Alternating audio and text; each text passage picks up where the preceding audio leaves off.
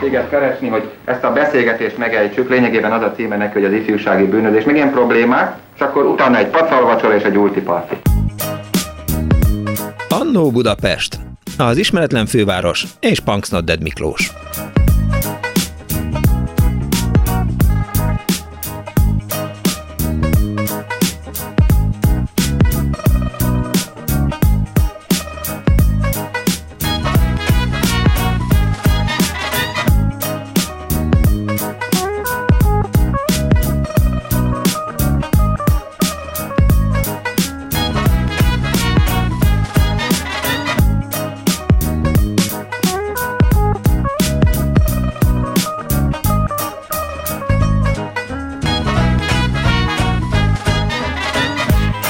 Jaj, drága hallgatók, úgy hiányoztak már, nem beszéltünk egy hete, múlt héten önökbe folytottam a szót, úgyhogy eh, nagy öröm, hogy itt lehetek a Klubrádió összes stúdiójában. Szép jó napot kívánok, ez itt a Klubrádió, benne a Annó Budapest az önök alázatos narrátorával, Punksnodded Miklóssal, a szerkesztő Árva Brigitta, Kemény Dániel fényesíti a gombokat, és Kis Mária, Kis Marcsi fogadja az önök telefonjait. Ha felhívják a 2406953 vagy a 2407953-as nem emelt díjas fővárosi telefonszámot, tehát 061 2406953 vagy 2407953, és én magam is örülök annak, ha írnak nekem esetleg SMS-eket a 0630 30 30 95 számomra. Tehát ott tartottam, hogy önökbe folytottam a szót múlt vasárnap, mert eh, bedobtam a a jó témát, ugye gyereknap volt, mi magunk is gyerekek vagyunk, most már lassan fel kéne menni Daninak is, meg nekem is, önöknek teljesen igazuk van, hogy ne gyerekeskedjen már Miklós, meg ne gyerekeskedjen Dániel, tessék egy kicsit komolyan venni ezt a rádióműsort, és nem hülyés, nem hülyéskedni, és nem vitatkozni egymással, és nem veszekedni. Dánielnek keresek is egy mikrofont, hogyha Isten hogy majd bele akar szólalni. Kéne egy kis VD40, itt hívom fel a kedves figyelmedet arra, hogy ne nyikorogjon a, a mikrofon. De... Kérdezni akartam, hogy mostantól akkor magázódunk egymással? Vagy az hogy, egy nagyon hogy, jó hogy de, ezt hogy, meg? de hogy magázódjunk egymással? Egyébként hát, a magázódás Mondja az... meg nekem, kedves Punksnodded úr Miklós. Jó, jó, jó. A Krassó ja. például mindig magázódott a lányokkal de lehet, hogy az emberekkel is magázódott. De ez most ez tényleg mellékszál. Szóval azt kértem önöktől teg, múlt héten, hogy meséljék el kedvenc gyerekkori emléküket, ami meghatározza az életüket, vagy fontos, ami lehet jó és lehet rossz, lehet nyomasztó, vagy lehet felszabadító, és a múlt vasárnap, múlt vasárnap nagyon sok ilyen volt, és tényleg azt gondolom, hogy sokunk szemébe bukkant fel köncsebb, vagy csordult ki a köncsebb belőle, úgyhogy ezt a, ezt a köncsebb csorgatást folytatjuk ma, egészen délután 4 óráig az Annu Budapest elkezdődik, tehát 24 gyerekkori emlékek, mert hogy egyetlen egy hely van Magyarországon, ahol egyszerre ahol egymás után két gyereknap van, és ez pedig a Klubrádió Annó című műsora, tehát gyereknap, meghosszabbítva, hajrá! Jó napot kívánok!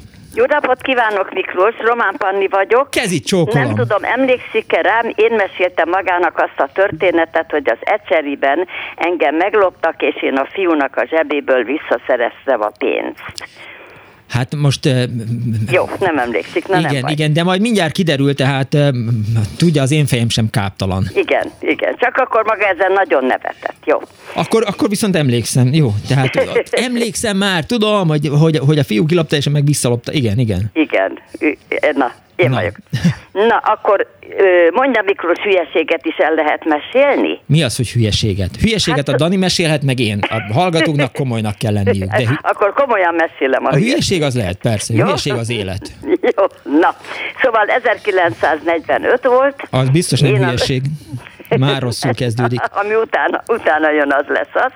Mi a Lónyai utcában laktunk, és január 16-án jöttek be a, a szovjet katonák, és akkor szabad lett az út. Uh-huh. No, és akkor most nem tudom, mondok egy szót, amit nem biztos, hogy a fiatal hallgatók érteni fognak. El, ö, hát ugye szabad várossá nyilván, nyílt várossá ö, nyilvánították Budapestet, ami azt jelentette, hogy betörhették a kirakatokat, rabolhattak, ö, mindent elvihettek, ami a kezük ügyébe került, tehát lehetett zabrálni. Zabrálni, igen, Na tudtam, hogy ezt a szót szót, fogja hogy- mondani.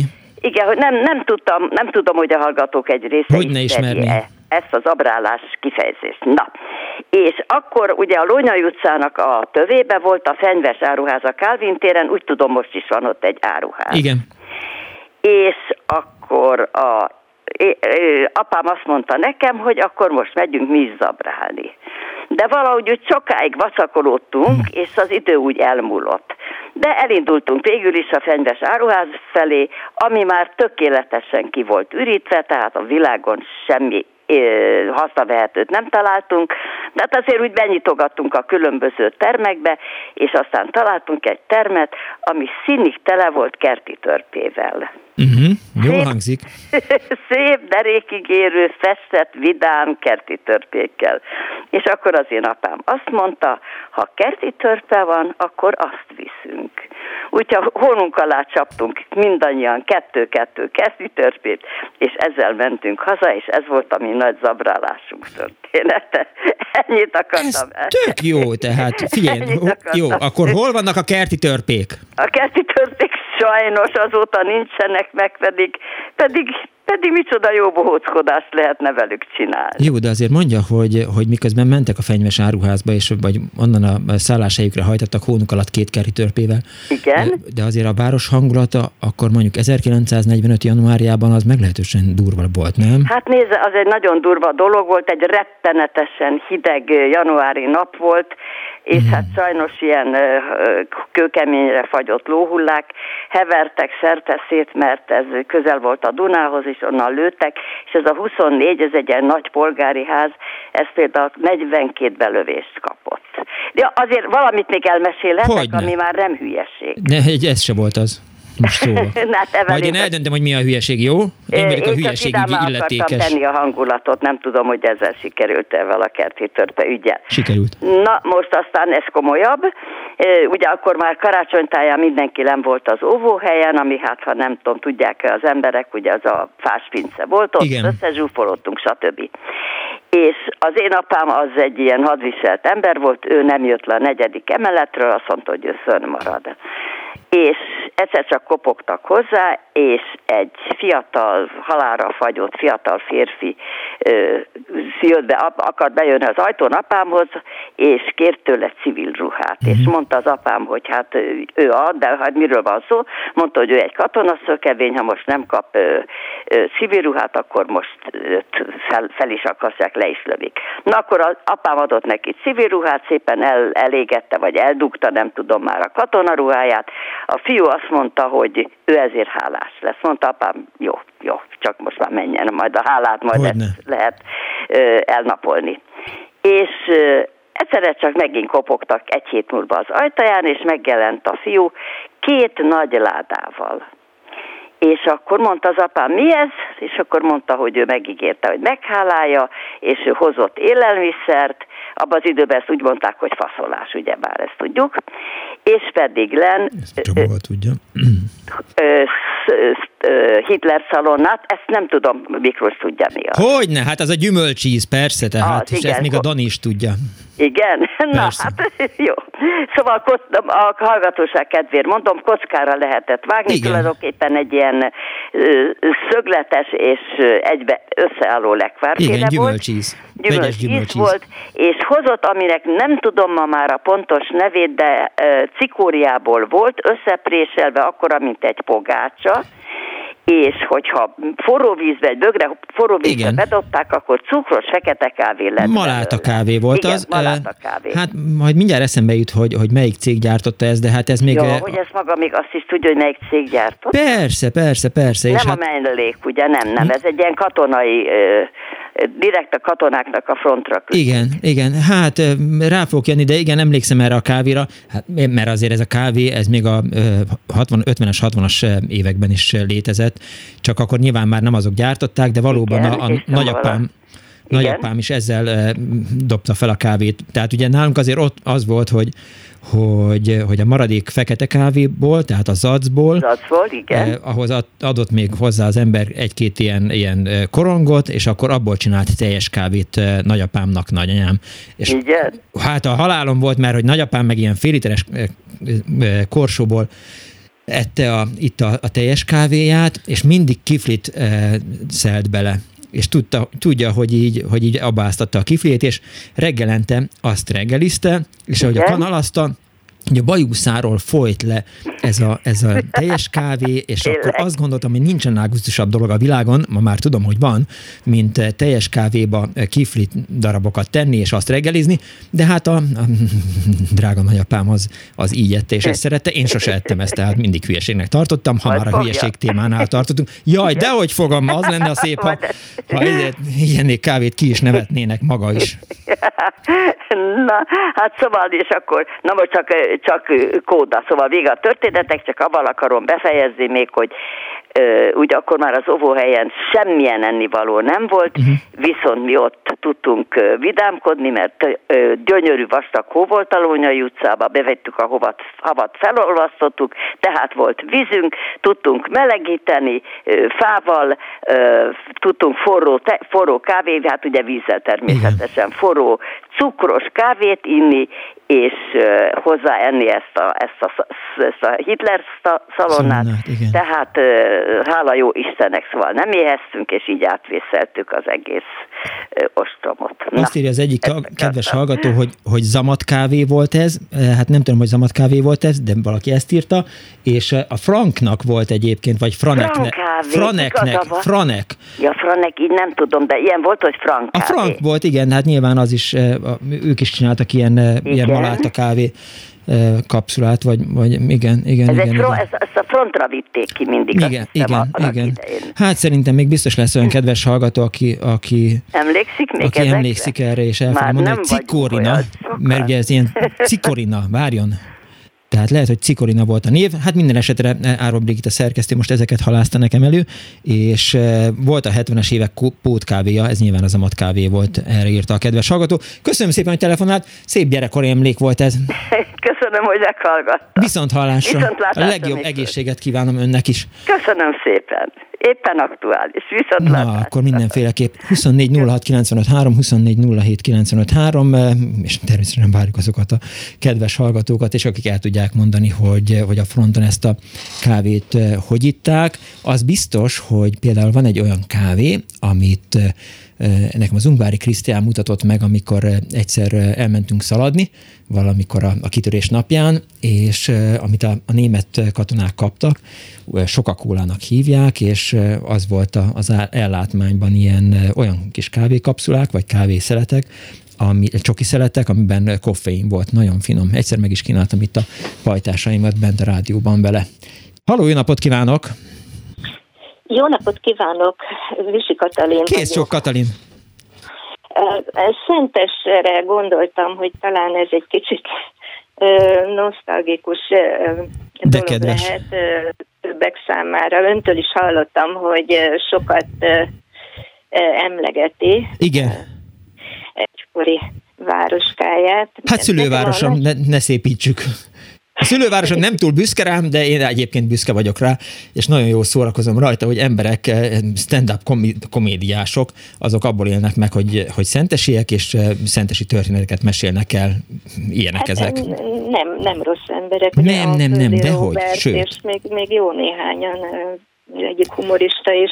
Szőke, badár, kőhalmi, tehát lehet sorolni, úgyhogy igen, teli van. igen, tehát valahol egy jó eresztés. Igen, igen, és ráadásul ott volt a Igen, drámai onnan, gimnázium. Hát, nem mondom, én Ja. önt is kedvelem, úgyhogy Megtisztel. beletartozik ebbe a sorba, de vissza gyerekkorba, Uh-huh. hát én a nagymamához jártam le, nagymamához, nagypapához, kisgyerekkoromban, tehát ilyen óvodás, kisiskolás koromig, és egy ilyen álmos kisváros volt. Igaz, hogy én befelé forduló gyerek voltam, de valahogy mégis volt bennem egy ilyen, ilyen városi dac, mondjuk így, Uh-huh. és és aztán hát ott, ott volt minden, ami a vár, városban nem, úgyhogy végül is mindig gyorsan elteltek ezek a nyarak, ugye, mert nyáron lehetett ott lenni, és ami a Szentesen a Marx tér 13-ban ö, laktunk, hát már mint a nagyszüleim. De várjon, hát akkor egyre közelebb lakunk egymáshoz, tehát én is a Marx téren laktam, és hát most azt nem fogom megtudni, talán anyám majd megmondja, hogy Marx tér, de D épület volt, arra emlékszem, tehát hogy katonai lakótelep volt, egymás mellett volt B, C, D ház, Aha. de nyilván akkor, akkor az önök környékén, igen, én is ott nevelkedtem, Hát, persze. Igen, tehát ott még árokpart volt Igen. a, a kapu előtt, tehát ez ilyen, milyen földszintes kis házak voltak, uh-huh. ez a közel a piactérhez Igen. volt, lehet, hogy a házszámot téveztem, de nagyon Nem, nem, nem, biztos nem. Maradt meg, és, és ott belül még voltak disznók, tyúkok, kakasok, kiskacsák, minden. Tehát az ember csak úgy tátotta a száját, hogy úristen, hová került, meg az a szag, meg, de aztán végül is nagyon élvezetes volt és hát mindig nagyon hasznosan teltek ezek az idők. Tehát én arra emlékszem, hogy ott, ott vagy a nagyanyám főzött, a nagyapám kosarat font, uh-huh. volt egy kis műhelye, és gyönyörű kosarakat, meg mindenféle vesző, készíthető tárgyakat készített, úgyhogy neki olyan asztal, karosszék, szettje is volt otthon, ez volt a legszebb darab. Meg rengetegféle kosár. Na most ugye, hát így a zabrálásról jutott eszembe, hogy hát mindenkinek nem kellett zabrálni, hál' Istennek. Ö, ö, ö, emlék megmaradt, mert ilyen kis mózes kosár, amiben a babámat tudtam tenni, meg a kis ilyen tároló, kis kerekkosár, színes széllel, még mai napig is megvan kicsit Tényleg? de, de ezeket valahogy nagyon szívemben hordom. Tehát egy a köszönés, ugye? Tehát a két dolog volt, amin még nagyon csodálkoztam, hogy ott mindenki mindenkinek köszönt, és én ettől rosszul voltam, hogy nekem állandóan köszöngetni kellett, amikor a nagyanyámra ráköszöntek, akkor ugye hát Hogyne. néztek rám, és hát én megnéztem, mint olyan városi gyerek, hogy hát most mi van ki ez, mit akar egyáltalán, úgyhogy nem, nem szerettem köszöngetni, de hát a másik az, hogy mindenki biciklizett. Ez Igen. volt, Igen. hogy az egész város biciklén ült, idősek is, ami megint csak szokatlan volt, de, de valahol von, nagyon vonzó, vonzó volt. Aztán ugye a másik hasznos, hogy, hogy a, a, mentünk ki valahol a város szélére kapálni, egyelni, volt egy kis kert, és akkor ott mit tudom. Nagy hegy lehetett az? Meg amit lehetett, ugye ott kis répa, kis ez, kis az, na akkor azt hazahoztuk. Aztán, ha nagyon unatkoztam, akkor tudom, hogy ott ö, járkáltam az udvaron, aztán a szomszéd háznak a padlására felkerültem valahogy, valószínűleg egy magas létrával, és találtam egy közörű állványt, és akkor úgy, hát úgy mondtam, hú, akkor ezt ki kéne próbálni, és, és akkor ö, aztán később egy késsel is próbálkoztam, uh-huh. hát sikerült jól kiéletleníteni minden esetre, mert az is kellett volna némi kis tudás már. Hány éves volt ekkor? Hát ez olyan kisiskolás korom volt, tehát feltehetőleg ilyen 10-10 éves koromig, ha Értem. jártunk oda. Tehát amikor nagyobb voltam, akkor próbálkoztam ilyen kis technikai dolgokkal, mert, mert ott a, a műhelyben is volt mindenféle kis bigyó, amit, meg eszközök, szerszámok, amiket én nagyon szerettem úgy nézegetni, meg próbálgatni. Hát ez, ez még tíz éves koromig. Sajnos hát nem, nem tartott sokáig, mert aztán így a, a ugye végig gondolom, mi Budapesten laktunk, és akkor Buda, Budapesten meg Ja, még, még egy aranyos dolog volt, hogy volt egy isteni nagy eperfa ott az udvarban szentesen. Hatalmas nagy e, eperszemek voltak, ilyen fehér eper. Fehér eper, aztán az lila volt, nem? Összefogott mindent. Egy picit picit lilás, de azt hiszem, hogy, hogy ez az egy nagy fa, ez fehér volt éppen. Úgyhogy nem az volt vele, abban így is ragadt rendesen, tehát az nem volt gond, és az ember belőle akkor rögtön ragadt a keze is. De hát ez a WC mellett volt, ami ugye kim volt az udvarban. Igen, hát persze. Húzós kút volt, tehát a kútról befelé kellett oldani a vizet, még ilyen nagyon, nagyon régi módi életmódot folytattunk, de, de például a víz ez nagyon lágy volt, arra emlékszem, hogy, hogy nagyon csúszott a szappant, nagyon furcsa volt, hogy ki csúszik a kezemből a szappant, tehát hogy annyira lágy volt a víz, ami, ami kellemes is volt, és csak így a Budapesthez viszonyítva ez, ez úgy, úgy más volt, és, és ez De furcsa. Így, így megmaradt, hogy a laborban mosakodás. Igen, mondjon nyugodtan, lehet, hogy nem, én csak éppen ezen gondolkodtam most, hogy így meséli, hogy ha nyugati, tehát nem nyugati, hülye vagyok, tehát hogyha Marx térről elindultunk a, a pályaudvar felé, akkor baloldalon volt, ugye baloldalon volt egy, tehát ott volt egy vendéglő, a, egy kocsma, aztán volt Igen. a fodrász, egy borbély, és utána volt egy, egy cseretelep, csak a szappan jutott eszembe, amit ön mesél, ahová az ember Aha. elvitte a, a, a az avas zsírt, meg a, meg a, meg a fáradt mindent így a, a háztartásból, és akkor kapott érte csere mosóport, meg csere szappant. De jó.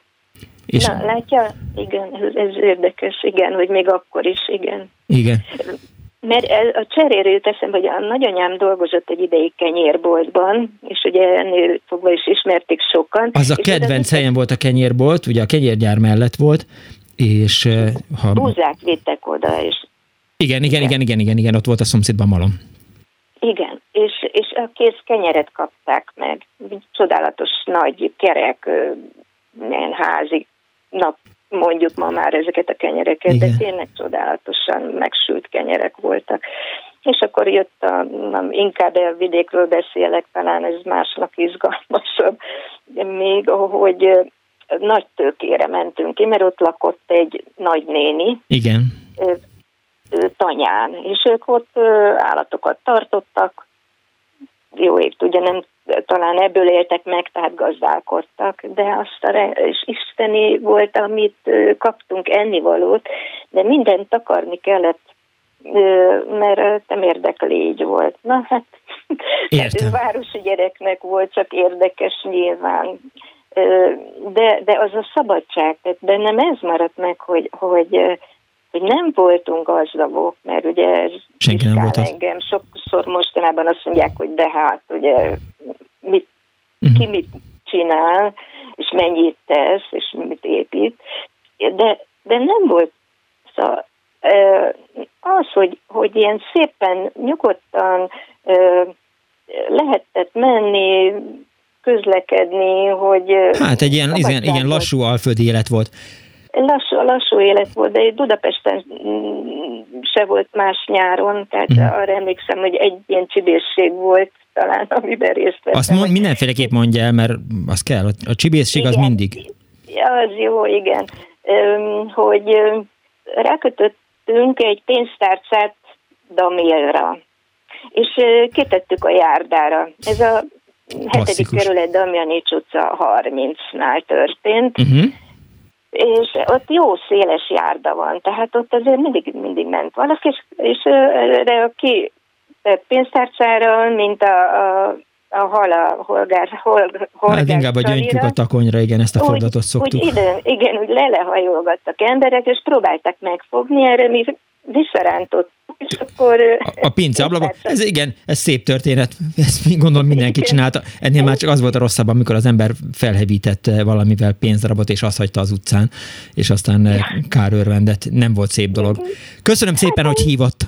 Igen, nagyon szívesen örülök, hogy elmondhattam. Nagyon kedves, köszönöm szépen, kész sokan viszont halásra. Hajrá, Szentes, egyszer csinálunk egy Szentesi rádiót, de ez csak most jutott eszembe.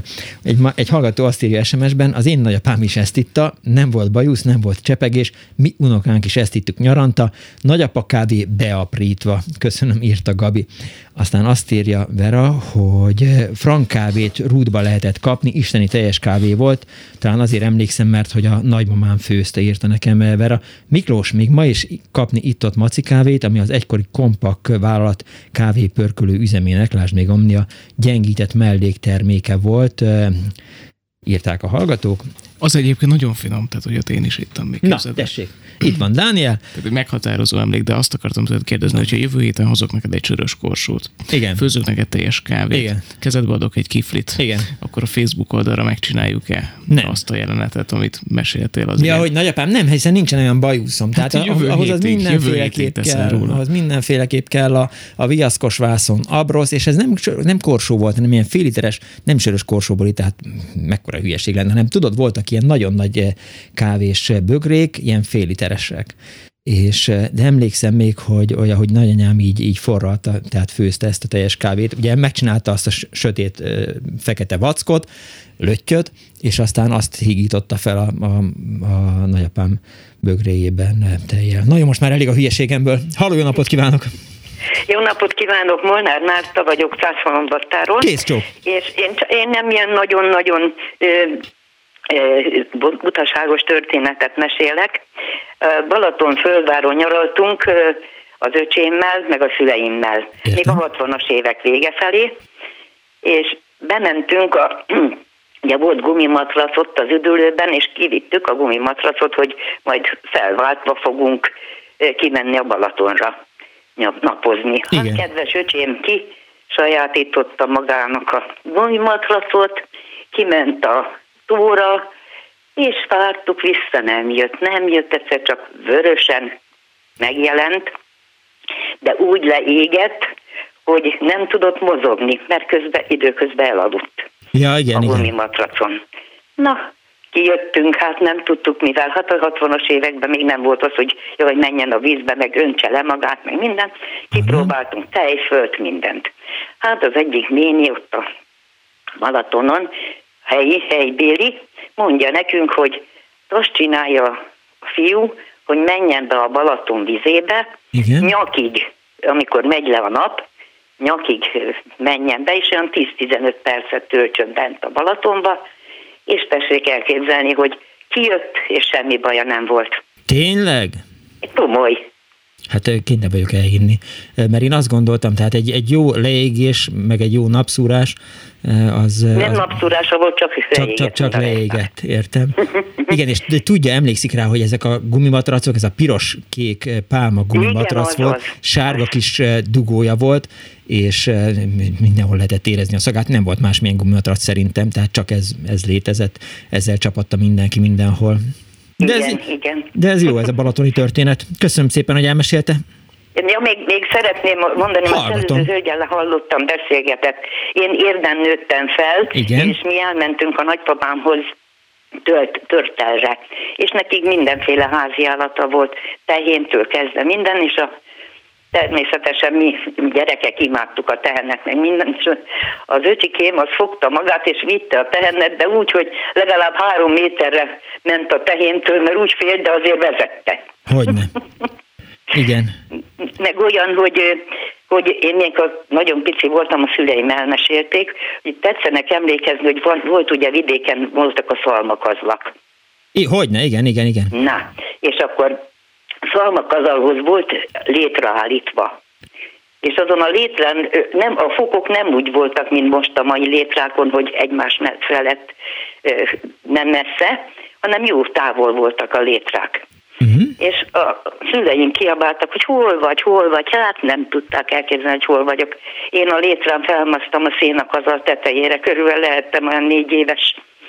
Úgyhogy mindenki tétte a haját, mikor meglátta, hogy mit művelek én odafent. És hogy szedték le? Úgy, úgy hogy följött az apukám utána, aztán Ja. hát ugye jó, persze jó kikaptam. Igen, de ez általában jó mulatság volt, tehát eh, széne, szénebogja. nekem, nekem nagyon jó mulatság volt, igen. szalmabála Jó, tetejére Köszönöm szépen, hogy elmondhattam, és minden jót kívánok Önöknek. Kezit csókolom, viszont hallásra. Viszont hallásra minden.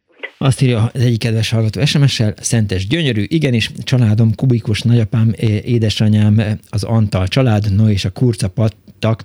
Hát, ezt nem, a kurca, az szerintem folyó, az nem patak, eh, én is a kurcaparton nevelkedtem, Eh, ugye a, kertünk vége az a, a kurcapartra néz, anyám még mindig ott csapatja egyébként a kurcaparton. Egy másik hallgató azt írja, nagyapám gyógyszerész volt, és az apám az öccsével lehúzott redőny mögül nátszívószállal eh, tüsszentőport fújt a járókelők orrá alá, és jót mulattak. Hát, gratulálok hozzá. Egy jó mulatság az mindig jó. 24 06 95 3, vagy 24 07 95 3, meghosszabbított gyereknap van itt az Annó Budapestben, de második gyereknap, gyerekkori történetek, gyerekkori emlékek, fontos és meghatározó élményekről szól a mai műsor. Halló, jó napot kívánok! Halló, halló, én vagyok? Igen, jó napot kívánok! Szervusztok, én a tengerész vagyok. Szevasz, tengerész, rég hallottalak. Régi dolgokról volt szó, és néhány szót megmagyarázni, csak egy kicsit lehalkítom a rádiót, illetve kikapcsolom.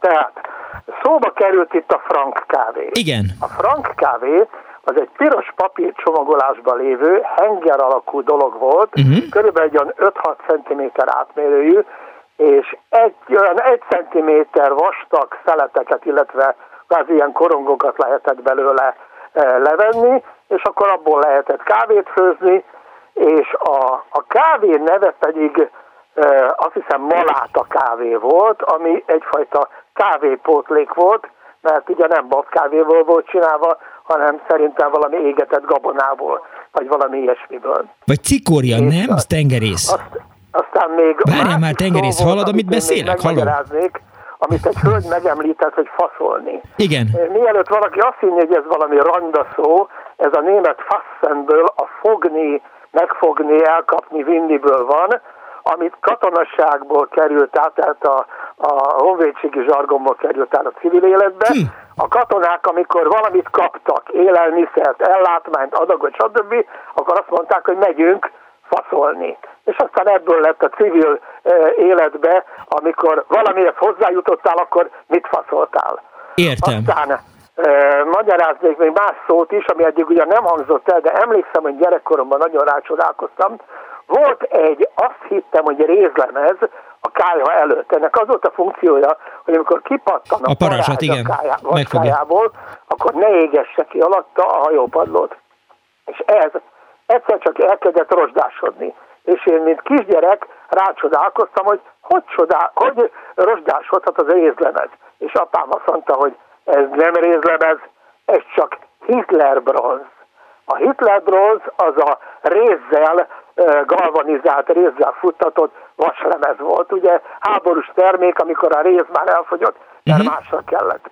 Aztán felmerült itt még egy szó, a Hitler szalonna. Igen. Igaz, hogy mi gyerekkorunkban a Hitler szalonnának hívtuk a vegyes gyümölcs ízt, amit ugye ilyen kockákra lehetett Igen. vágni, de igazándiból a háború idején ez a töklekvár volt, amikor már mindenből kifogyott a hitleri Németország, Tényleg? meg a csatlós országok, uh-huh nem volt gyümölcs, nem volt semmi, akkor nem tudom, valamiféle műcukorral ízesítették a tököt, ami úgy látszik, hogy volt, és abból lekvárt főztek, tehát a Hitler szalonna a tök lekvár volt.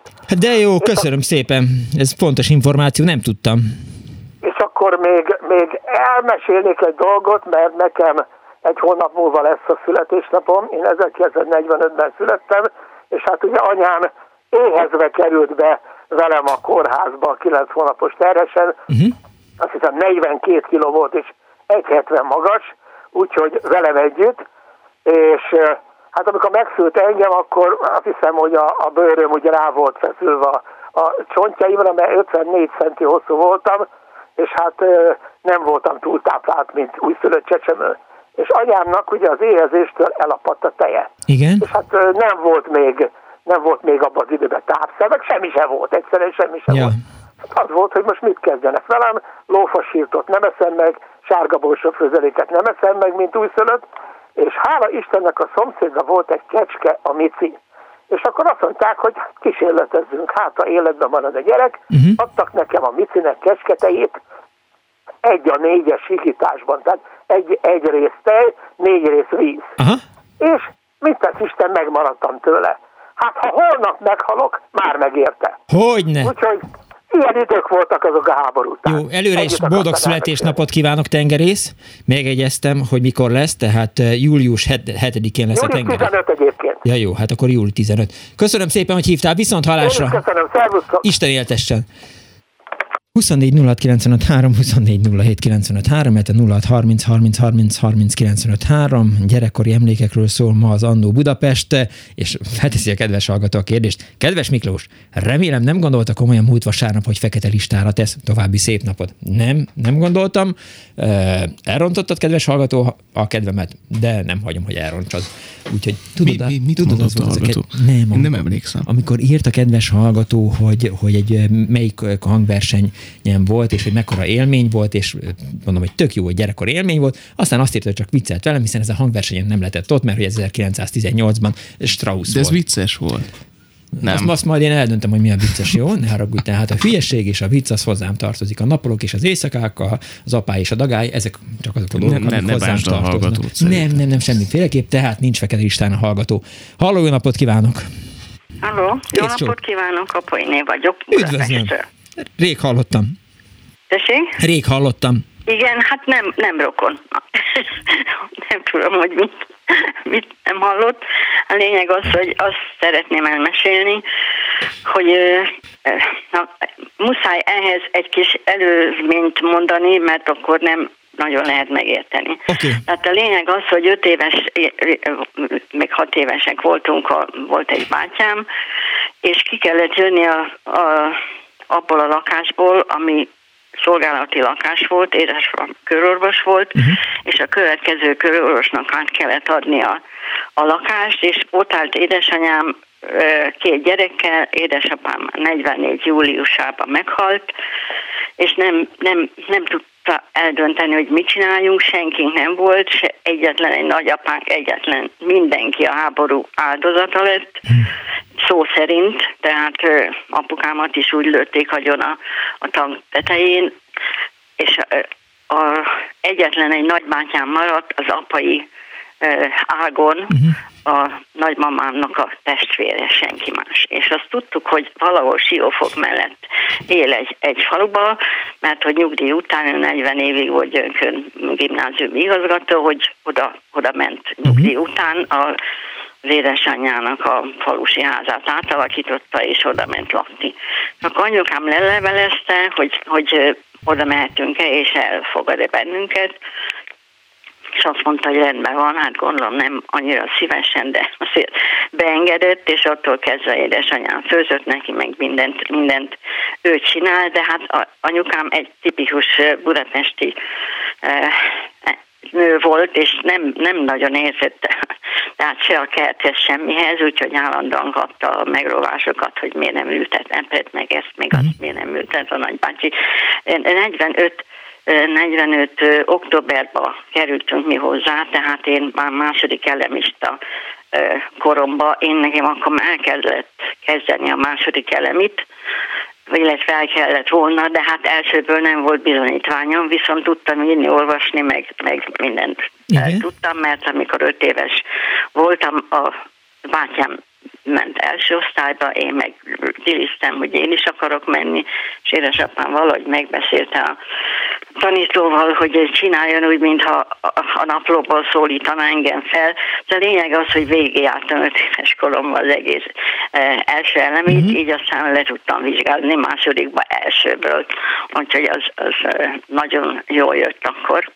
Haló? Itt vagyok, hallgatom. Ja, akkor jó. jó. Figyelek, jó. figyelek, csupa fül vagyok. A nagymátyám nagyon szigorú volt, és ő végrendeletileg meghagyta, hogy ő azért hagy ránk mindent, a bátyám meg rám, hogy mi folytassuk a tanulmányainkat, és feltétlenül valami olyan iskolába kell, hogy beírassam anyukám. Ami, a, jó, hát anyuka szegény 47-ben meghalt a nagybácsi, igaz, uh-huh. hogy mindent ránk Önök hagyott, csak igen. éppen 48-ban már ugye nagyon jöttek a fellegek, hogy majd ez lesz, meg az lesz, meg az kulák, meg igen. minden, úgyhogy azonnal az összes földet visszadta az államnak, hogy ő nem tud vele mit kezdeni, úgyhogy semmi nem maradt, csak valami szőlő, amiből kiegészítette a hadjőzvegyi nyugdíját, tehát nem nagyon úrálhatott ilyen vármadasokba, de lényeg az, hogy oda nem került, nem tudtam bekerülni, de a pápai református nőnevelőbe, ahol, ahol nem kellett fizetni, az teljesen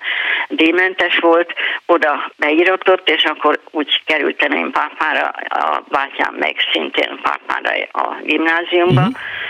Az egésznek a lényeg, amire ennyit beszélek, hogy karácsonykor szóval nagyon jól érezzük magunkat, meg minden rendben volt, reggel imádkoztunk, délbe, este imádkoztunk, kötelező volt ugye vasárnap az, hogy menjünk Isten tiszteletre, előtte vasárnapi iskola, meg ezek, és elmentünk szünetre karácsonykor, és mikor visszajöttünk, akkor nem találtuk a fele osztályunkat, vagy illetve a kollégiumi társainkat. Mm. És vadidegen lányok jöttek, és a hálóba befeküdtek a, a régi lányoknak a helyébe, ahol, ahol találtak üres ágyat, és nem tudtuk elképzelni, hogy mi történt, és akkor kiderült, hogy akkor államosították az iskolákat. Uh-huh. Tehát azon a télen, csak azt nem tudom, hogy miért nem tudták megvárni az év végét, tehát gyakorlatilag az ártistáknak a felét hozzánk tették, nekünk a, a, a nőnevelő, református nőnevelő felét meg áttették az ártistákhoz. Tehát ahogy csak tudták, összekevertek bennünket, nem volt attól kezdve ugye nem volt imádkozás, még a vasárnap Isten tiszteletet megengedték, de előtte úttörő foglalkozás volt, mert természetesen pajtások lettünk, Értelem. úgyhogy a, a, a mi lelkünket, vagy nem is tudom minket, annyira összezavart, hogy ez elképzelhetetlen. De egyszerűen az, hogy egyik napról a másikra vallásos voltál, és, és Isten szeretted, a másik másik héten, vagy egy, egy hónap múlva. Azt mondták, hogy nincs is Isten. Teljesen, ja. Tessék? Gondolom azt mondták, hogy nincs Isten. Hát azt nem mondták. Ez az igazság, azt az egyet megengedték, hogy elmenjünk vasárnap templomba, de uh-huh. előtte egy óra hosszabb úttörő foglalkozás volt. Vasárnap iskola meg reggel 8-tól volt, 9-ig, mert hogy, hogy nem tudtak róla, vagy én nem tudom, hogy hogy engedték meg. Uh-huh. A lényeg az, hogy, hogy ez nem, nem tudom, hogy ezt valaki el tudja képzelni, vagy ezen keresztül mente, de esküszöm 82 éves vagyok, de ez nekem máig egy, egy fájó pont. Hogyne, persze. És olyan lányokat, akiket nagyon szerettünk, ugye azokat elvitték, meg, meg egyáltalán ez az egész, hogy lezajlott. Most képzelj, hogy a kezünkben volt a bizonyítvány, már rég hazamehettünk, uh-huh. de szemináriumból, ahova kellett járni, ugye második fél évben, abból még nem vizsgáztunk le, tehát ott kellett maradni plusz egy hétig még pápán, hogy hogy levizsgázzunk szemináriumból. Hát a kismamáink azok természetesen tanítónők voltak, mert ez egy olyan iskola volt, ahol tíz éves kortól, tehát akkor még ugye, akkor kezdődött a gimnázium, hát ez nőnevelő volt, egész tanítóképző végéig, tehát nem az négy év plusz egy év volt, tehát össz évig tanulták a, a szakmájukat, uh-huh.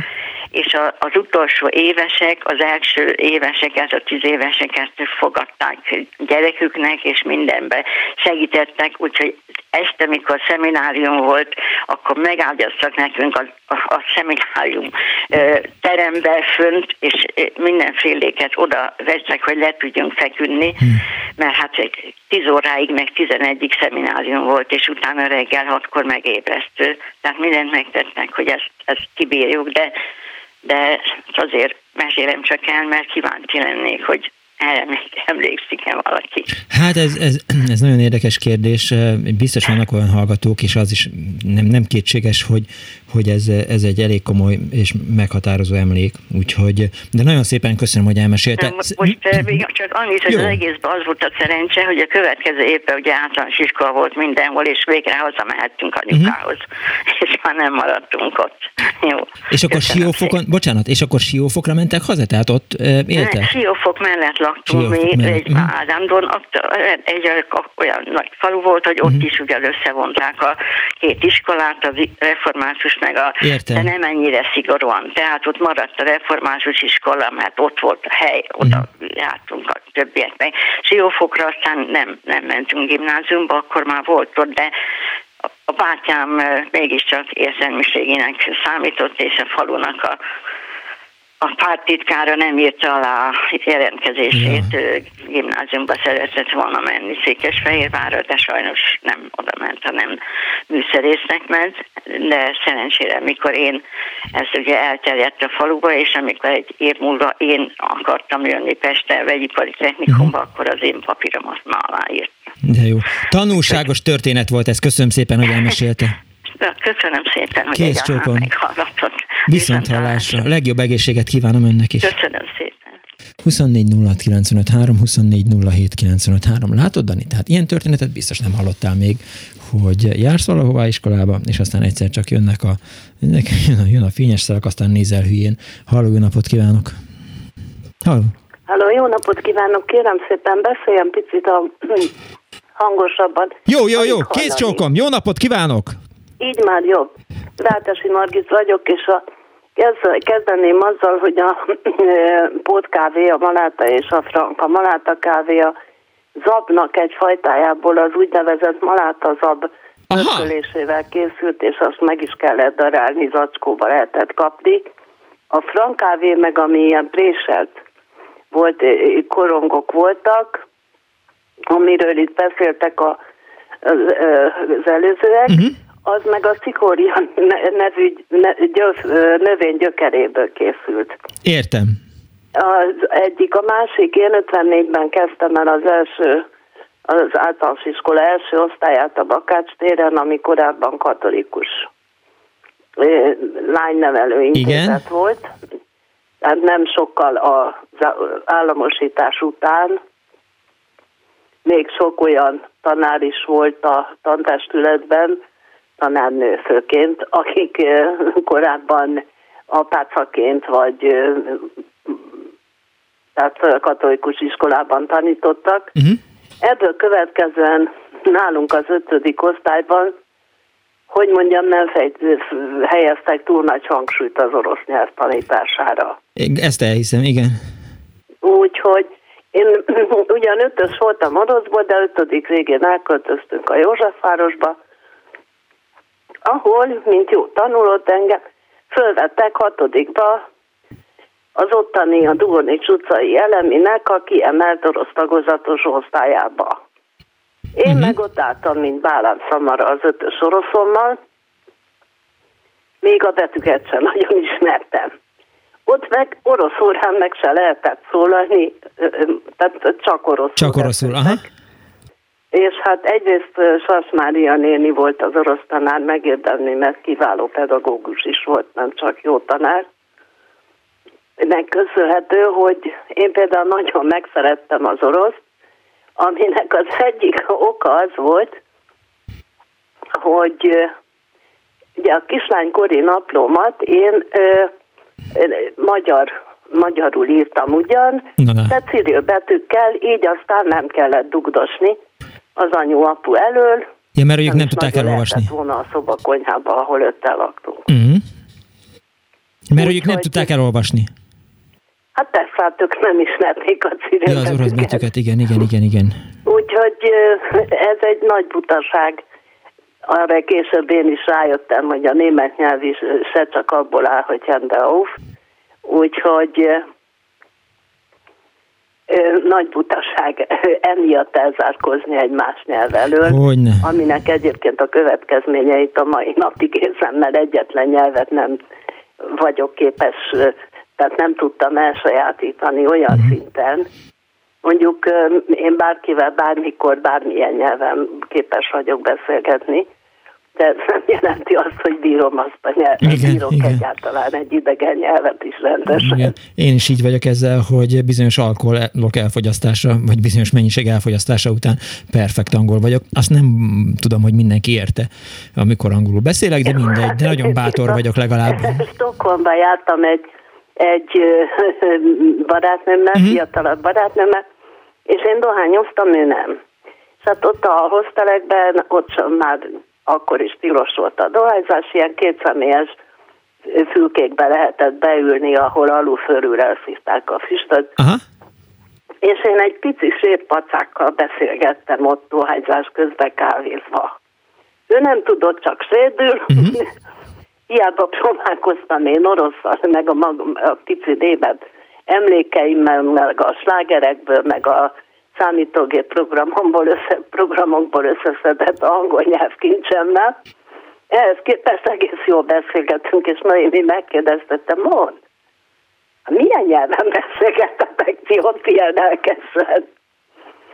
Hát ugye penszionér az oroszul nyugdíjas, úgy tudom angolban is, csak legfeljebb nem úgy mondják, mert az angolok nem ismerik a betűket, az mindenfélét mondanak, uh-huh. a helyet, ami le van írva. De a németben is penszionér a nyugdíjas.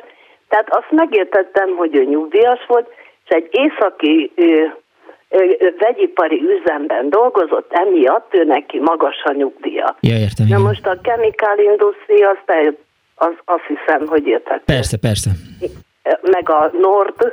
Az is. Jó, hát szépen oroszul, de németül Nord, meg angolul is Nord. Igen. Most kellene megfogni a nyelvemet, hogy kibírja mondani a téhet. Úgyhogy tehát ilyen, ilyen alapon beszélgettünk. Úgyhogy én Budapesten nevelkedtem, nekem olyan különösebb vidéki élményeim nincsenek. De nem, nem, nem is kellene. sokat nyaraltam, de mhm. a göcsei nagyszüleimnél. Van egy, van egy jó sztoria? hát mondjuk, amikor a vakáció után hazajöttem az iskolába, akkor nagyon büszke voltam a zalai szókincsemre, és hogy az osztálytársaim nem értik, hogy miket beszélek. Na például maga szerint mit jelent az, hogy hömbölög? Uh, jaj, de már jó, de mert én azt akartam megkérdezni, hogy, hogy Zalában a, a teheneket hogy hívják, amikor mennek haza? Én teherre, emlék, teherre emlékszem. De nem, nem, az ne... ezt egy Aha. nagyon sajátságos módon ejtik, a mai napig meghallom, ha Aha. valaki zalai volt valaha Igen. is. És de mi ez a hömbölög? Hát az, hogy fetreng, fekve, fekve forgolódik. Ja, értem. Hát nem ismertem. Köszönöm szépen. Mert egyébként Vagy Somogyban böcéknek hívják a, a tehenet. Tessék? Somogyban böce a tehén, tehát úgy szokták ja, böce. Ugye? A böce, persze, a böce, de az inkább olyan, olyan beceneve volt a, a saját házi tehenünknek, hogy böcete. Értem. Meg, meg hát a silinga, ugye ez a kétfülű kosár, Micsoda? Úgyhogy úgy, én ezeket nagyon élveztem. Uh-huh. Mi az a kétfülű kosár? Azt nem tudom. Ugye az 50-es évek, ami családunkban sem mentek könnyen. Uh-huh. Minek utána államosították az üzletet, amiből a család élt. Senkinek Már sem könnyű. Persze, annak se volt egyszerű élelmet szerezni, nem. akinek pénze volt, hát még akinek nem. Akinek nem. Köszönöm Úgy, szépen, hogy hívott mindig, hát és akkor a nagypapa, úgyhogy hát eléggé le volt a család harcolva. Uh-huh. A nagypapa megfogta a kezem, meglátta a szandált a lábamon. Lányol veszünk neked egy szandált, aztán vitt a vegyesboltba. Hát én persze Hát én persze a legolcsóbb lábbelék között próbáltam válogatni, uh-huh. mire a nagypapa. Jaj, hadd el, kislányom, nem vagyunk mi olyan gazdagok, hogy a legolcsóbbat vegyük. Igen. Értem. Hát, Köszönöm, hogy hívott. De azóta ezt a mondását a fiam ez persze, ezt mindenféleképp, ezt, ezt tovább kell vinni. Igen, nem vagyunk annyira gazdagok, hogy a legolcsóbbat vegyük. Megjegyzem. Köszönöm szépen, hogy hívott. Viszont hallásra. Két sokan viszont hallásra. Egy hallgató azt írta SMS-ben, első elemi, első fél évben még az apácák tanítottak, és a legjobb osztályzat eh, a hetes volt, eh, kapcsolódott a, a korábbi történetekhez. Egy másik hallgató azt írja, hogy nem zab, árpa kávé volt. Köszönöm szépen. Szóval ez az Annó Budapest, amely gyerekkori emlékeket eh, keres elő az önök merevlemezén, és tehát a többi hallgató elő. Kétszer van gyereknap itt a Klubrádióban, az Annó Budapestben, úgyhogy a hírek után folytatjuk. Most itt van Suba Krisztina, elmondja, hogy milyen fontos dolgok történtek a világban, meg hogy esik-e az eső már. De azt kimegyek és megnézem, utána pedig folytatódik 24 06 vagy 24 07 Dani, tudod, hogy például hol van úttörő utca? Fogalmam nincs. Én az Na. úttörő táborokról akartam neked mesélni, ami jó, már jó, nem az igazi, de... Úttörő utca van például Nagy Tétényben, tehát eh, a Nagy Tétény kastélyben... Miért, miért mondod el nekem most? Ja, nem, mert... Csak, csak érdekel. Tehát sem. Akkor, jó, majd elmesélem másnak. Köszönöm szépen. Hello.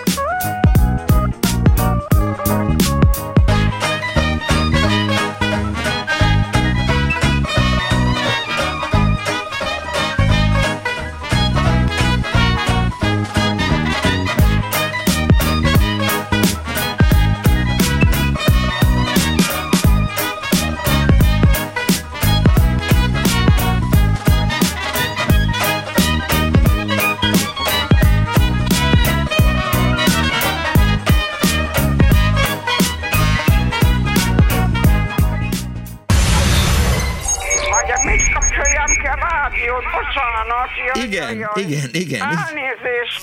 Jó napot kívánok! Annó Budapest! Hát ezek szerint vásároltuk valószínűleg. Pénzem sose volt rá, dehogy. Dehogy nem volt. Mondom, hogy nem volt. Mert mindenféle nem. hülyeségekre költöttem. Italra, Igen? kábítószerre, ilyesmire. Vicceltem. Ah, nem hiszem. De, de, de. Na jó, mindegy. Milyen kábítószert vásárolt? Jaj, ne, jaj, ne, Gabriella, ne hozzam már zavarba.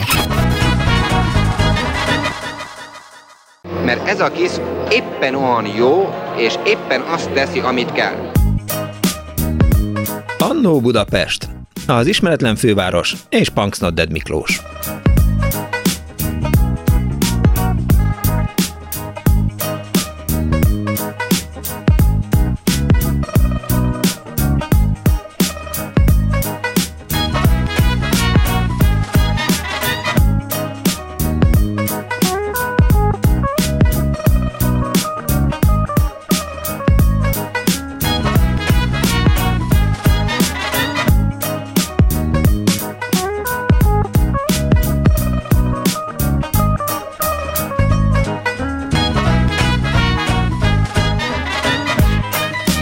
Napot kívánok a most ébredő kedves hallgatóknak! Ez itt a Klubrádió, benne az Annó Budapest az önök alázatos narrátorával, Punks Naded Miklóssal.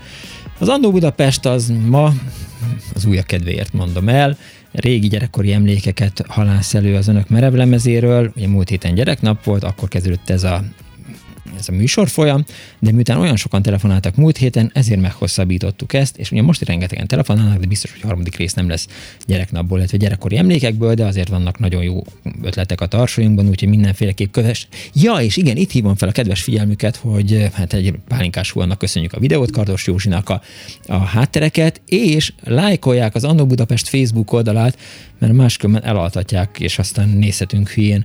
24 06 vagy 24 SMS-ben 06 30 30 30 Dániel helyett elmeséltem magamnak a, az úttörő utca történetet, mert nem voltál rá kíváncsi. Most már kész, Dániel, nincs mikrofonod, úgyhogy csá, tehát eh, ezt a dolgot, hogy is úgy mondjam. Nem, nem, nem, én be, nagyon kíváncsi voltam, csak kíváncsi bebuktat, voltam, hogy be, miért meséled el nekem. Bebuktat Cowboy, azért, mert arról beszélt a kedves hallgató, hogy hogyan is zajlott az, amikor az egyházi iskolából aztán hirtelen másmilyen iskola lett. És, és hogyan zajlott? Mesélj. Úgy zajlott, Légy hogy szíves. azt nem mesélte a hallgató. Azt De te mesélj nekem. Én nem mesélek neked, mert rossz vagy. Nem beszélünk többet. Nem, pontosan ez történik, hogy nem beszélünk többet. 50-es évek szombaton kisdobosavatás, vasárnap a délelőtti, délelőtti nagymisén első áldozás, a közönség kétharmada ugyanaz. Persze, és ráadásul az volt, hogy, hogy a családunkban is előfordult az, hogy hogy valakit el kellett vinni a szomszéd településre megkeresztelni, mert hogy, hogy a a párt az nem nézte volna jó szemmel, hogyha a tanár úr gyerekét azt megkeresztelik, úgyhogy két faluval arrébb volt a keresztelő. Hát szép világ volt az, Dániel, ha érted, hogy mondom, de ne válaszolj rá, mert nincsen mikrofonod. Azt ír egy másik hallgató, hogy Zalában a kétfüles fonott kosár, silinga, szekrény, sifonér, a konyhaszekrény kredenc, az itt is kredenc, és a tehén pedig bötce, a kinti trágya, az pedig ganaj, stb. írta az Ági. Nekem? Azt olyan régóta meg akarom kérdezni, hogy a sifonér az pontosan az milyen bútor darabot jelel, vagy nem tudom. Az a, az a. Ú, most inkább nem mondok hülyeséget, mert nekem is van egy sifonérképem, de aztán megtalálnak a hallgatók, és azt mondják, hogy az pont hülyeséget beszélt a Punksnod, de a sifonér az nem az, hanem valami. De jó, majd mindjárt megírják neked a hallgatók, ha kíváncsi vagy rá. Például a mezőkövezden a szájszélt, azt Pittynek hívták, írja a hallgató a 0 30 30 30 95 3-ra. Halló, jó napot kívánok! Jó napot kívánok, Tóth Ferenc vagyok. Üdvözlöm, Ferenc! Hát egy gyerekkori élménye sok közül. Én a járságban egy tanyán nevelkedtem az 50-es években. De jó. Mindenfajta állat volt, két lábú, négy lábú. Mhm. Uh-huh. Kecskeló, liba, tehén, disznó, kecske, meg birka is. Na és az, ugye össze kellett terelnünk az állatokat, elhajtani a legelőre, mikor iskolának vége volt, Hát ezt elég messzire kellett menni, gyalogolni, vissza is gyalogolni. Azt találtam ki, hogy hát valamelyik állatnak a hátára ülök, és azzal kiballagok, és vissza. Bölcs. Hát ez ment egy darabig a kisebb állatoknál, a négy lábúaknál, de egyszer az jutott eszembe, volt egy Rózsi nevezetű tehenünk. Hát az, még nem bírtam felülni.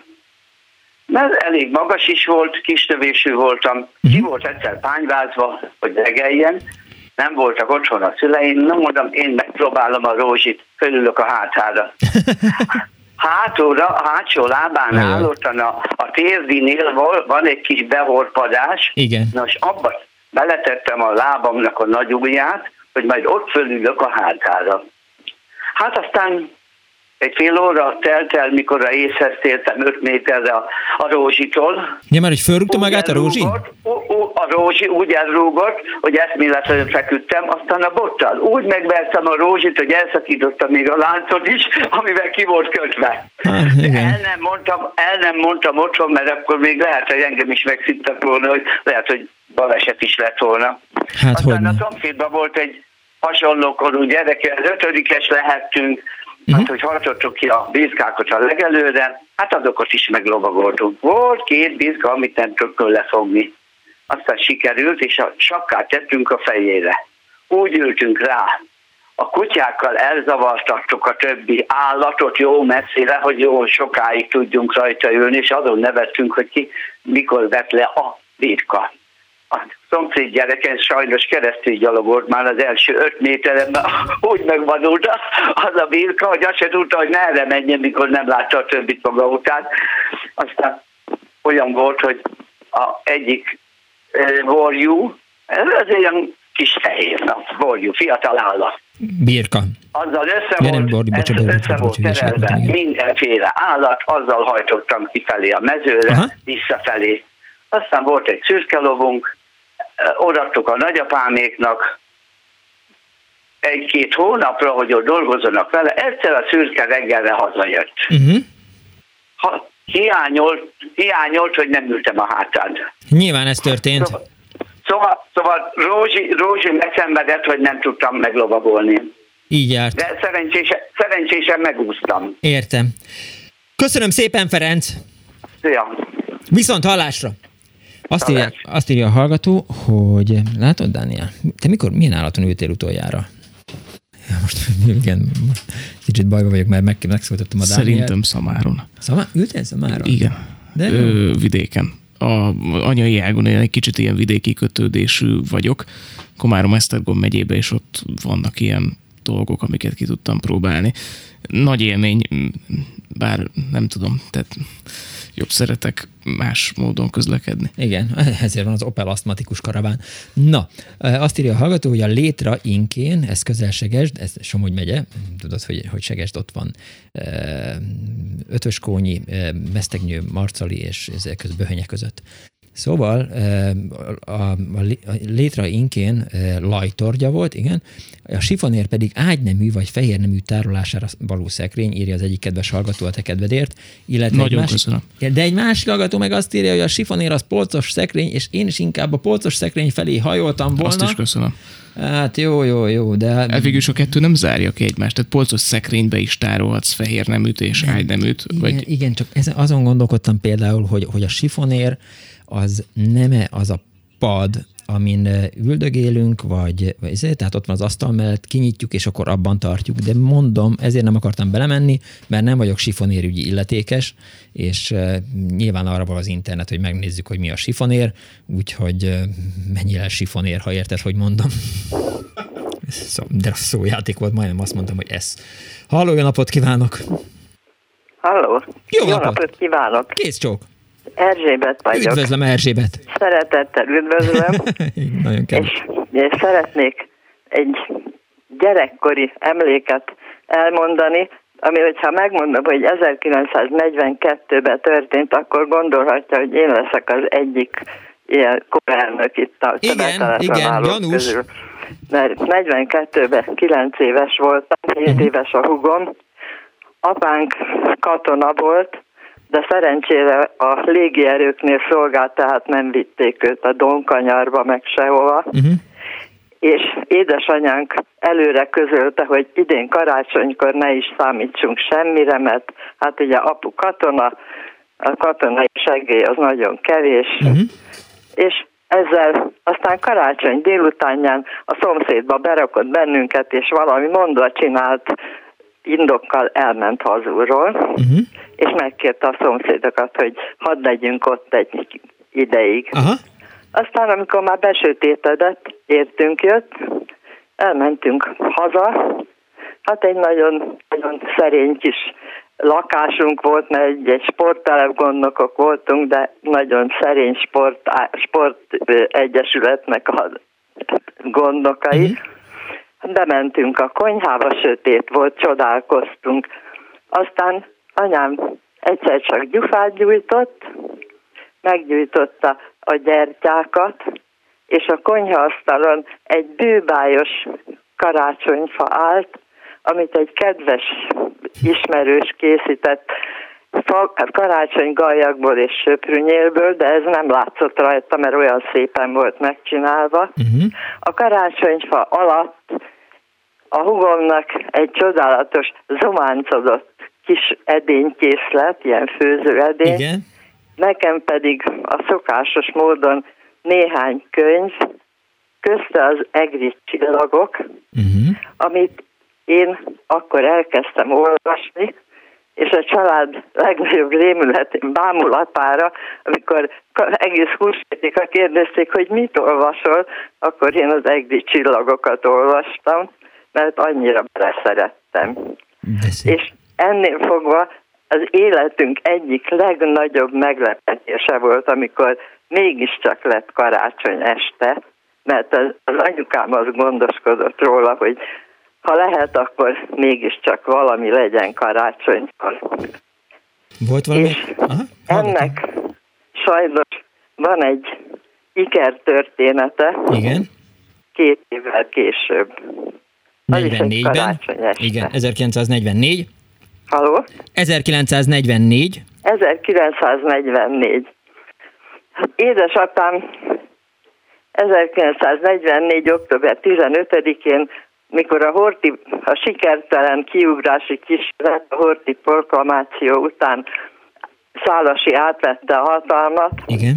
apám, aki Székesfehérváron szolgált akkor, fölült a bicikliére, elment a nagymamámhoz, átöltözött, és följött Pestre a barátjához, ahol előre elő volt készítve már, ha megszökik a katonaságtól, hol fog elbújni. Aha.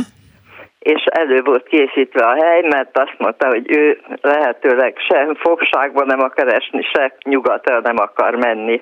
Mert hát akkor már közeledett, hogy esetleg az lesz a következő, Uh-huh. és szálasi alatt semmiképpen sem óhajtott szolgálni. Úgyhogy elbújt október 15-én, és karácsony, 44 karácsony estéjén jött haza, amikor már elég előterjesen közeledtek a szovjet csapatok, és karácsonyra hazajött, nagy boldogság volt nekünk, mert hát ugye október Nem előtt látták, még igen. jóval volt egy, egy en- eltávozáson, de nagyon régen nem láttuk apukánkat. Hát persze karácsonyfa nem volt, de azért volt valami ehető vacsora, és utána következett az, hogy bennünket a hugommal fölpakoltak a konyhaasztalra, bebugyoláltak, és apám elkezdett a szobába egy búvóhelyet ásni. És az a karácsony este és fél éjszaka úgy telt el, hogy az apukám ásta azt a kis egyszemélyes búvóhelyet, amit esetleges razzia esetén használni tud, uh-huh. és anyukám pedig a ki- kiásott földet talicskázta ki a lakáson keresztül. hogy ez volt a másik emlékezetes karácsony esténk, amit gondolhatja, hogy egyhamar nem fogok elfelejteni. Most már úgyis kevés időm van ahhoz, hogy ezt elfelejtsem. És sikerült édesapjának, sikerült édesapjának, Tessék? meg, sikerült édesapjának megúszni a háborút? Sikerült megúszni, ugyanis ez volt karácsony hu- 44-24-én este, és másnap édesanyám elment a százados útra kenyérért, mert valahol hallotta, hogy ott, és tényleg sütöttek, és anyám hazahozott öt darab két kilós kenyeret, amiből elég hosszú ideig sikerült megúsznunk az éhezést, viszont apám ott, ott volt otthon, és mi kinéztünk, és a hugommal kinéztünk a konyhaablakon, hát egy földszintes házat, és közöltük, hogy közelednek katonák.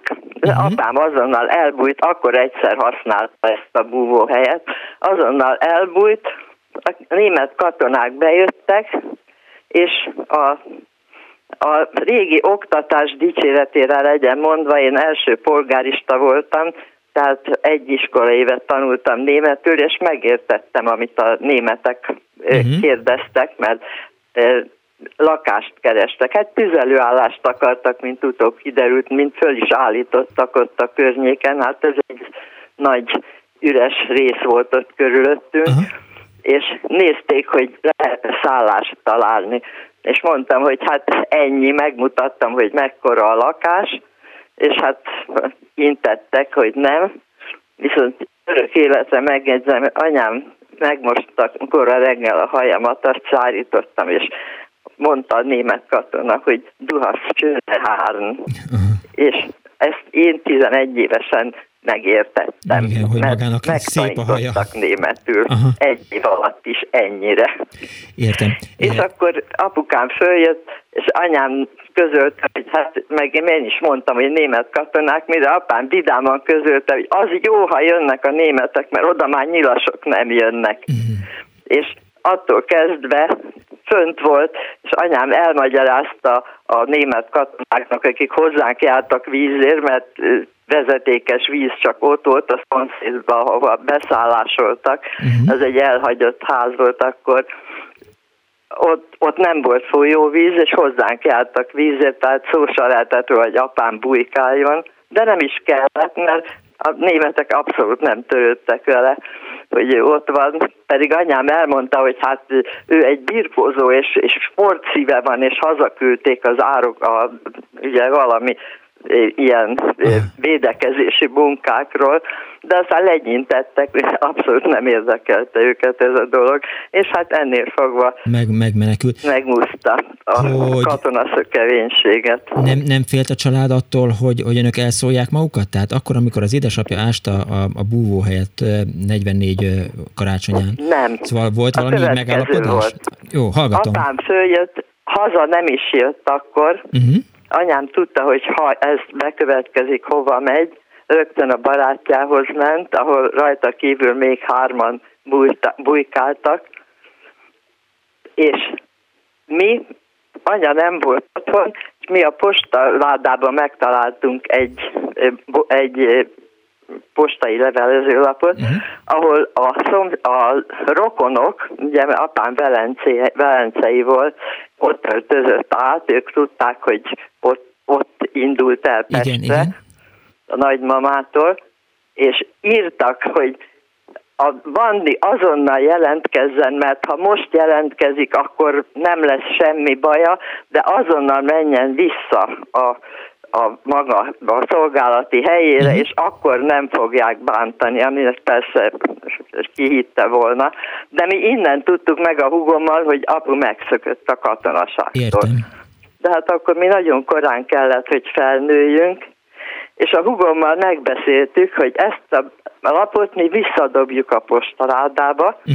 és az anyukánknak nem mondjuk meg, hogy mi tudjuk, hogy az apa megszökött. Értem. És ezt mi egész karácsonyig tartottuk is ketten, amit megbeszéltünk, nem szóltunk az anyukámnak, aki mindenféle ötletekkel elment hazúról, és amit tudott összeszedni ennivalót, azt vitte oda azoknak, akik ugye bújtatták az apáékat.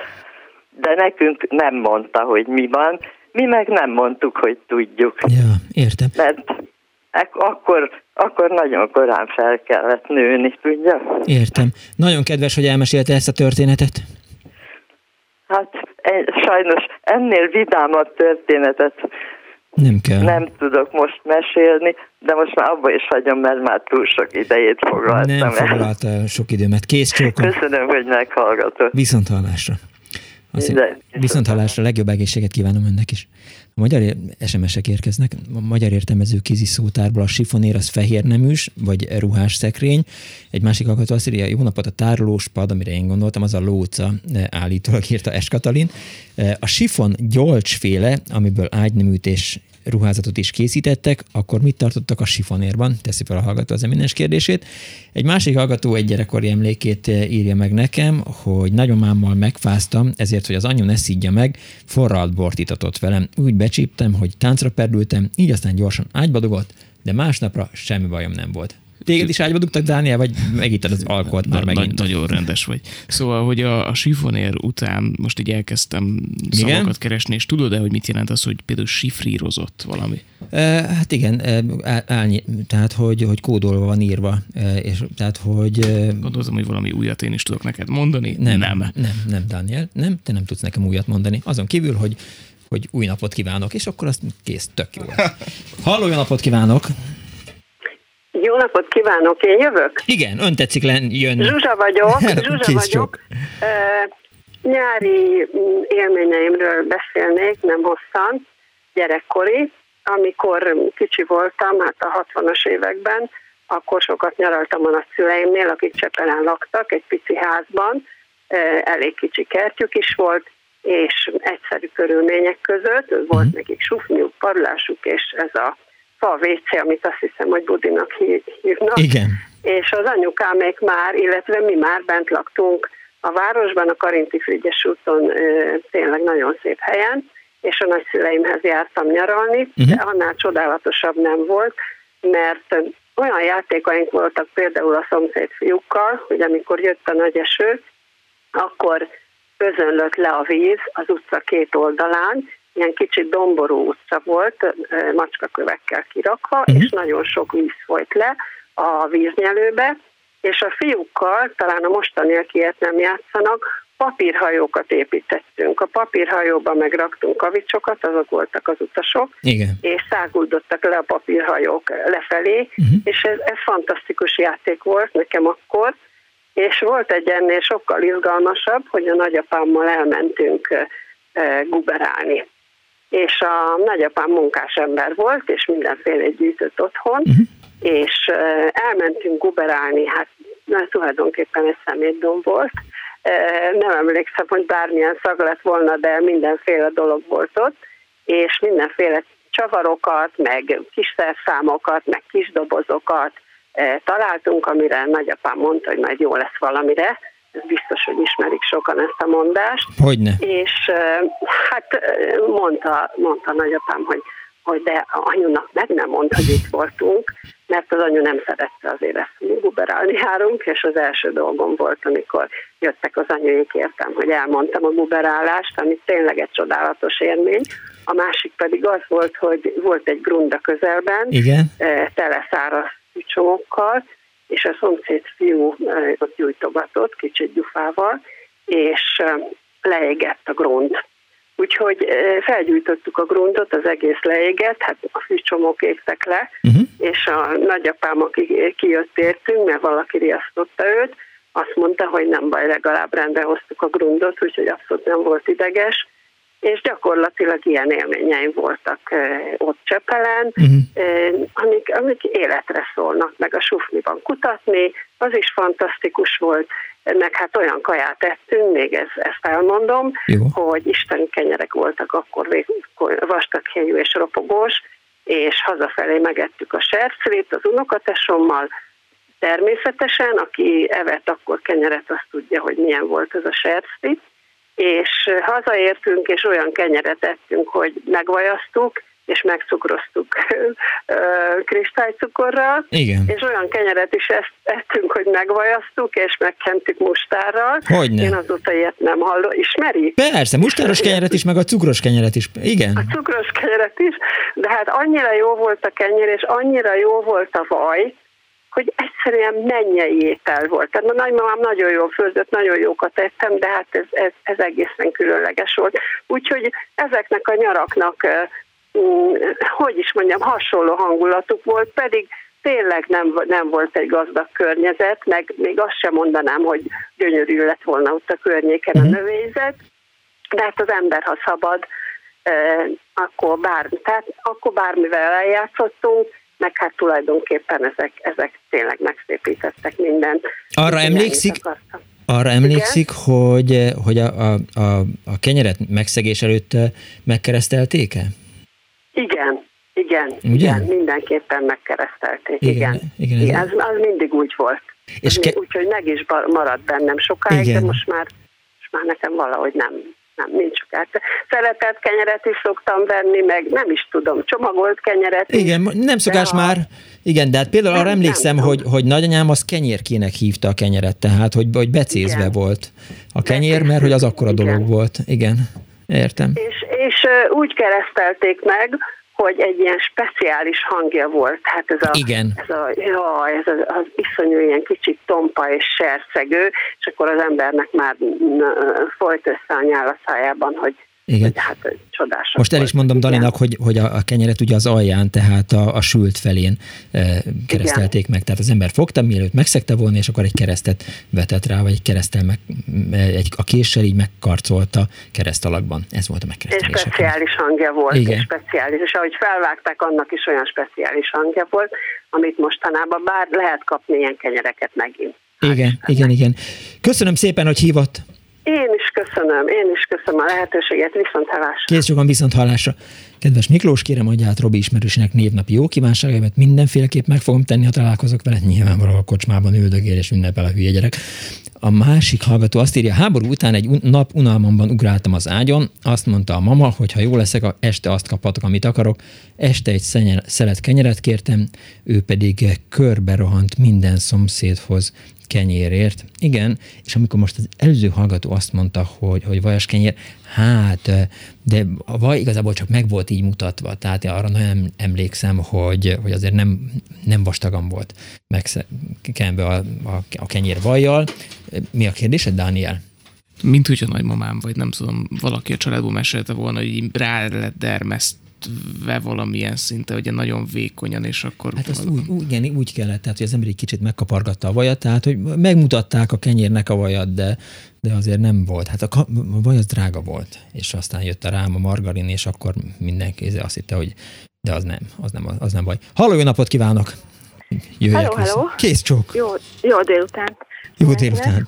Uh, hát én nem fogok ilyen, uh, nem, nem szomorú történeteket akarok mondani meg nekem.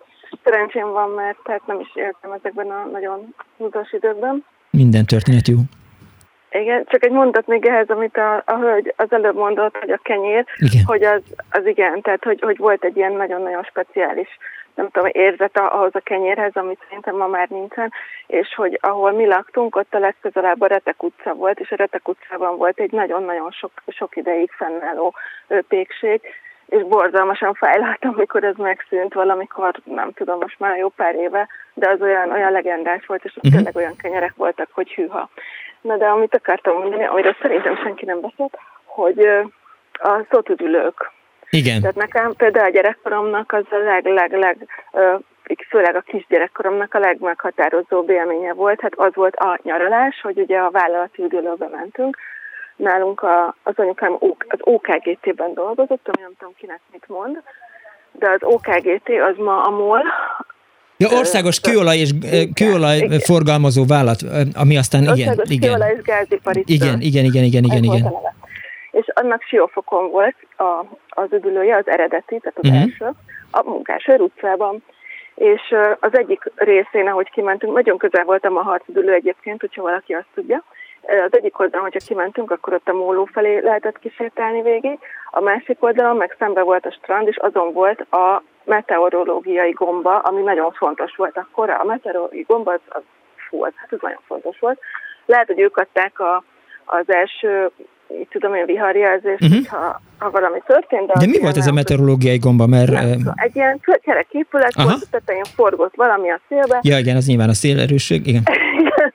és ezen kívül én nem tudom, hogy voltak-e, em- szerintem ott valakik dolgoztak, vagy figyelték az időjárás, de ez úgy számomra sose derült ki, csak annak egy ilyen, hát aznak hogy tekintelye volt annak a, annak a dolognak ott. Na és, és hogy így a, az érzetek, meg az egész, hogy egy ilyen üdülőbe, ahogy ugye be voltunk fizetve abszolút teljes ellátás, és akkor ott reggel délben este ment a nép etetése, és akkor én azt nagyon élveztem, nagy kajás voltam, és olyan finomokat csináltak, én gyümölcslevest, minden nap gyümölcslevest vettem, Uh-huh. és volt az üzlőnek egy saját kis csónakja, ilyen motorcsónak, azt hiszem, vagy zégtudja, de picike, és avval vittek minket hajókirándulásra, tehát így be lehetett nevezni, fizetni, tudom én, és akkor Siófokról átmentünk hol Tihanyba, hol Füredre, meg ilyenek, és akkor ott menet közben az emberek ott így, mit tudom én, napoztak, meg nem tudom. Szóval az ilyen, ilyen jó, ilyen, tök, ilyen nagyon-nagyon kellemes idők voltak, ezek, a, ezek azért bringatoztunk, meg tudom én, meg ott kirándultunk valamennyit legalábbis. Hát ez igazi ilyen, ilyen békebeli. De ez szólt, Ah, nem szólt gyereküdülő, igen, de hogy, hogy ez szólt gyereküdülő volt? illetve- Nem. Nem, tehát Nem, nem, ez- családoknak ez szólt. szülős üdülő Aha, volt. igen. Igen, igen, szülőkkel mentünk, hát ki, ki meddig járt, hát én elég, elég sokáig, amikor még így lehetett, akkor, akkor jártunk, aztán áttették valami modern épület lett szintén Siófokon, az már egyáltalán nem volt ilyen jó hangulatú sajnos. Értem. Na, ezt gondoltam. Nagyon kedves, hogy elmesélte. Viszont hallásra. Kész csokom, viszont hallásra. 24 06 95 3, 24 07 95 3. Halló, jó napot kívánok! Halló, Jó napot kívánok! kész csók, jó napot! Jó napot kívánok! Otília vagyok. Otília, kapcsolja ki, legyen olyan kedves a rádióját, mert összegerjedünk. Igen. Halló, Itt vagyok, hallgatom Otília. üdvözlöm, egy olyan élményemet szeretném elmesélni, 45 után, mikor feljöttünk a pincéből, Uh-huh. egyébként a kőbányai pincerendszerbe vészeltük át az ostromot, Aha. ahol nagy termek voltak berendezve. Hogyne, igen, igen. Nem, nem berendezve, kiépítve. voltunk. Igen. Két-három hétig. Uh-huh. Feljöttünk a pincéből, és nagy hó volt. És gondolom január vége fele lehetett, mikor beindult már a közlekedés, és járt a Maglódi úton a 28-as villamos. És barátnőmmel örültünk a hónak, Uh-huh. és kis szánkom voltam, ilyen karfás volt, ilyen Igen, igen, igen, igen. Volt támla, igen. benne Igen. És a villamosról orosz katonák szálltak le Uh-huh. hordóval. Ilyen, mit tudom én, 25 vagy 30 literes hordóval. Igen. És meglátták a szánkómat, és kérte, hogy ő rá szeretné tenni a szánkomra a hordót, Uh-huh. és hát nem viszi messzire, csak a ház sarkáig engedjen meg. Aha. Én megengedtem, a szánkóra rátette a hordót, a karfája az egyből eltört, Igen, sejtettem. de azért ő húzta. És mentem, rohantam utána, hogy adja vissza a szánkót. De nem adta vissza, elment a szánkóval. És ez nekem egy olyan bánat volt, és olyan keserűség, hogy képes volt elvinni a szánkómat. Na, tehát ez egy szomorú élmény volt a katonákkal. Értem. Köszönöm Úgyhogy- szépen, hogy elmesélte. Ennyi volt. Kész csókom. Köszönöm szépen. Viszont hallás. Mi van, Dániel? Egyébként nekem van egy hasonló. Na, Kép- Képzeld el, hogy a nem, bölcsödéből hazafelé menve. Katonás? nem, egyszer rámugrott egy kutya, és kiukasztotta a lufimat. És én emiatt tíz évig nagyon féltem a kutyáktól, mert ki- kiukasztotta a lufimat. Igen. És hát hasonló trauma lehetett. Bár a Igen. szánkó az, az kétségkívül érdekesem. Igen. Jó történet volt. Azt írja a hallgató SMS-ben, hogy annó mérlegelték az egész kenyeret is, és a kevesebb volt, adtak hozzá egy szeletet, amit ráadásnak hívtunk, és hazafelé megettünk, írja nekem Éva. Egy másik hallgató azt írja, hogy a kenyérnek nagy becsülete volt, evés előtt a nagyapám megcsókolta a kenyeret, és csak utána kezdte vágni vagy törni. A kenyér előtt nem volt szabad csúnyán beszélni. Nagyapám néha azt mondta, nem szégyeled magad a kenyér előtt? Ez akkor volt, és most 76 éves vagyok, írja nekem a hallgató. Tisztelt szerkesztő úr, eh, emlékeim szerint az 50-es években a családok zöme nem vajas kenyeret, hanem zsíros lekváros kenyeret evett. Azok, ezek a, kenye, a kenyerek főként két kilogrammosak, nagyon finomak voltak, a bátyám zsíros cukros kenyérre, még egy fej vörös hagymát is szeletelt, no, ez nem semmi volt, még látványnak sem, 75 éves hallgató, Eh, köszönet a műsorért, figyelj Dániel, majd egyszer csinálunk egy műsort, amikor nem üteszünk be az, hogy, hogy mivel besz, miről beszélgessünk a hallgatókkal, megkérdezzük tőlük, hogy ők a túrós csúszát hogy eszik. És akkor majd jönnek a hallgatók, és akkor ezt fogják elmesélni, hogy pörccel. Én az előző után el- megfogadtam, hogy nem cukorral. mesélek neked soha Igen. többé semmit, úgyhogy én nem fogom elmondani szerintem. Jó, rendben van, mert van, aki egyébként e, e, szalonnával és cukorral eszi a, a túros csúszát, de ez nem Én is, témája. én is, én igen? is, egyébként igen. Na, jó ízlésed van. Gratulálok hozzá. Halló, jó napot kívánok! Jó napot kívánok, László vagyok, a 80. évemben. Üdvözlöm, Üdvözlöm László. a szerkesztőség minden közreműködői dolgozóját. Átadom. Három élményemet szeretném elmondani. Oké. Valamikor 52-ben, a karácsonyi szünetben eljutottam Csillabé- Csillebécre az akkori úttörő táborban. Uh-huh. Az országos fenyő ünnepség, azt hiszem így hívták. Ez egy nagy élmény volt egy somogyi kisfaluban felnövő gyereknek, aki a legtávolabbra Kaposvárra tudott eljutni. Erről a, az maradt meg bennem, hogy eljutottunk a parlamentbe, elvittek bennünket. Uh-huh. Hát maga a parlament látványa is, az ott lét, az egy 11 éves gyereknek egy nagy élmény volt. De hozzá tartozott, hogy benne a terembe, a képviselői terembe sorba kellett állni, és elmondták, hogy itt milyen tanácskozás folyik, és a többi, és az a kitüntetés ért bennünket, mint akkor mondották, hogy Rákosi pajtás, mert akkor ott pajtásnak szólították, uh-huh. Rákosi pajtás székébe mindenki beleülhet.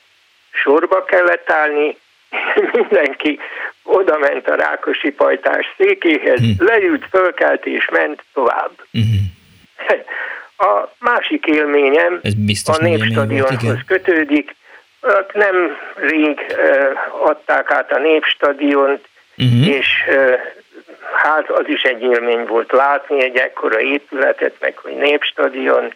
Ha jól emlékszem, talán németnek hívhatták az első igazgatót, aki ott tájékoztatott bennünket, de lehet, hogy ebben tévedek. Igen. Na minden esetre ez egy nagy élmény volt, hogy, hogy eljutottam a Népstadionba, kis 11 éves falusi gyerek. Azt azért mondja el, hogy, hogy melyik Somogy megyei faluból, faluból származik? Kaposfő. Kaposfőről, Kaposfőről. És Igen, az Kaposvártól igen, igen, igen, 10 igen. kilométerre. Kaposújlag, Kaposmérő, Igen, ezt akartam mondani, Kaposújlag, Kaposfő, igen. Kiskorpád, Jákon nagybajom. Jákon Nagybajom, igen. Igen. Bereg, ö, Somogyszob, és így tovább. Azon Értem. a vasútvonalon. Nincs egy jó gyerekkori kaposfői emléke? Van egy másik Na jó. Emlékem, illetve három emlékem van. Igen. Nyári szünet, biciklit szerettem volna, de az egy elérhetetlen vágy volt számomra a szüleim anyagi helyzetét figyelembe Mhm. véve, de egy rokonunk, falusi Kovács volt a szomszéd faluban, és azt mondta, a nyári szünetben elmegyek a Kovács műhelybe ö, dolgozni, segíteni, akkor kapok egy biciklit. És el is mentem a nyári szünetben, akkor még nem volt villany, és ilyen kézi fújtatóval kellett a tüzet éleszteni a Igen. Kovács műhelybe. Nekem többek között az volt a feladatom, hogy a fújtatót húzogassam, ö, de megtanultam, hogy hogy kell lovat patkolni, hogy kell menetet vágni, hogy kell mindenféle fémtárgyat fúrni, úgyhogy ez egy életre megmaradt emlék, és talán szerény műszaki affinitásom is itt alapozódhatott meg. És lett bringa is. A harmadik Igen. élményem pedig a faluban lévő katonai táborhoz fűződik, Uh-huh. mert az 50-es évek első felében a falu erdejébe kivonult három dandár katona. Jöttek áprilisba, mentek szeptemberbe. A tisztek családdal jöttek, és hát a faluba, akinek kettőnél több szobája volt, azt a harmadikat már lefoglalták, és oda beszállásoltak egy katonatistet. Hát hozzánk is beszállásoltak, és nagyon jóba voltunk egyébként, semmi probléma nem volt. Lényeg, hogy elvittek be a táborba, és filmvetítés volt, és ott láttam, talán moziba is ott voltam először, de ott láttam a Valahol Európában című filmet. Igen. És amikor ott bementünk az erdőbe, volt egy széles út, és el volt gerebjézve. És akkor én kérdeztem, a Sanyi bácsinak hívták a főhadnagyot, uh-huh. akivel mentem, hogy, hogy mi ez az út, és akkor elmagyarázta, hogy ez a miniszteri út, mert ha jönne a miniszter elvtárs, uh-huh. akkor ezen az úton jönne be majd a tábor parancsnokságára. És azt mondta, hogy ez minden nap elgerebjézik, hogy uh-huh. rendben legyen a dolog. Úgyhogy hát ez a három, sok-sok emlékem közül ez a három Jó. emlék maradt egy, meg. Egy, egy kérdésem van. Gyerek, egy, kérdés, egy kérdésem van. Lett bicikli? Hogy? Lett bicikli? Hogyne, hogyne. Lett bicikli, egy női bicikli lett, Aha. egy a háború előtt német gyártmányú, nagyon jó bicikli lett, ami akkor nagyon drága bicikli Igen, nyilván. emlékezetem szerint 800 forintba került. Ez szép. De nagyon sokáig megvolt, és nagyon jó bicikli volt. Köszönöm szépen, hogy hívott. Én is köszönöm, hogy Viszont hallásra. Minden jót. Viszont Minden jót. Jó egészséget kívánok. E, a jó kenyérnek volt a kiforrása, ahol megvágta a pék, frissen, nagyon finom volt kannás tejjel írta nekem az egyik kedves agad SMS-ben, és aztán hát egy gyerekjáték is előkerült, mondjuk az korábban volt téma, talán még nem említették a csodás gyerekjátékot, a kígyót, vagy az ostort, többen összekapaszkodva szaladnak, majd amikor kanyarodik a sor, a hátul lévők elrepülnek, ezt valóban nem említette senki sem. Halló, napot kívánok! Én a valóban? Ön, igen, igen, igen, igen, Ön, ön lenne. Tamás vagyok. Üdv, Tamás! A frankávéról majd többször is felmerült, vagy Igen. került. Hát az én dédszüleim voltak a frankávé Magyarországi megthozonosítói, gyártói. Aha. Frank Jakab Nagykanizsán építették egy üzemet, és ott gyártották. Aztán 1929, igen, 29-ben világválságban tönkrementek, csődbe mentek, hosszú-hosszú évekig nem működött. Uh-huh akkor valakik átvették, de már nem a család, és a háború ideig akkor szintén megszűnt, és valamikor az 50-es években tűnt el a gyár. Mm. Ez lett volna az egyik, amit talán családi emlék hoznák föl. Nagyon fontos, köszönöm. A másik, az, én holnap 70 éves. Isten éltesse. 50-es, 50-es években voltunk diákok. Uh-huh. És az iskolákban valójában nagyon sok a középiskolákban volt egykori különböző egyházi iskoláknak a tanárai lettek összeszedve, vagy jöttek össze, technikumba jártam, de hihetetlen fantasztikus tanárik volt, van olyan hatalmas tudással, hogy ez ma elképzelhetetlen. De voltak abnormalitások, és ebben egyet gyorsan elmondani. Okay.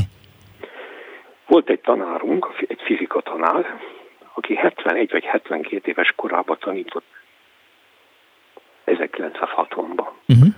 Ez hogy lehetett? Ez, ugye hát ez kiderült, hogy ő a háború előtt a Ludovikán tüzér tanszéken volt fizika professzor. Aha és az 50-es években ezeket hortista katonatisztkenek nyilvánították. Igen. És gyakorlatilag az egész korábbi munkaviszonyuk az mind eltűnt. És 1956 vagy 57-ben uh-huh. Mhm. indult el a óra, hogy munkaviszonyuk legyen. Uh-huh. Tehát csodálatos tudással. Szóval ezt a mai, mi abban az országban 32-en jártunk, és abból 31 lett egyetemi diplomás. Az elég jó, jó Nagyon arány. Sokan magas vezetői beosztásban. Uh-huh. És ez abnormalitás még egyszer találkoztam az életbe vele, uh-huh. mármint hogy a ordista. Én egy tanárral, igen. Gyárba, gyárba dolgoztam, ami hadipari gyár volt a háború előtt, még a háború után is. Uh-huh. És úgy szintén ott a hadi üzemekben, a művezetőtől az üzemvezetőig belőle mindenkinek volt katonai rendfokozata és az őrültségbe háború után, 50-es években ezeket portista katonáknak minősítették, uh-huh. és hát gyakorlatilag rendkívül negatív megkülönböztetve. Ezek az emberek szintén hatalmas nagy tudású mérnökök voltak zömében. És akkor, ha még vagy, akkor még egy nagyon rövid dolog. Hallgatom.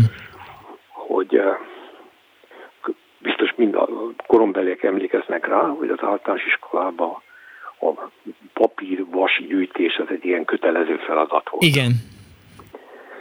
És hát ez nem, nem, sokszor nem volt egyszerű dolog, hogy honnan a manóból lehet vasat, meg papírt, meg egyéb dolgokat összeszedni.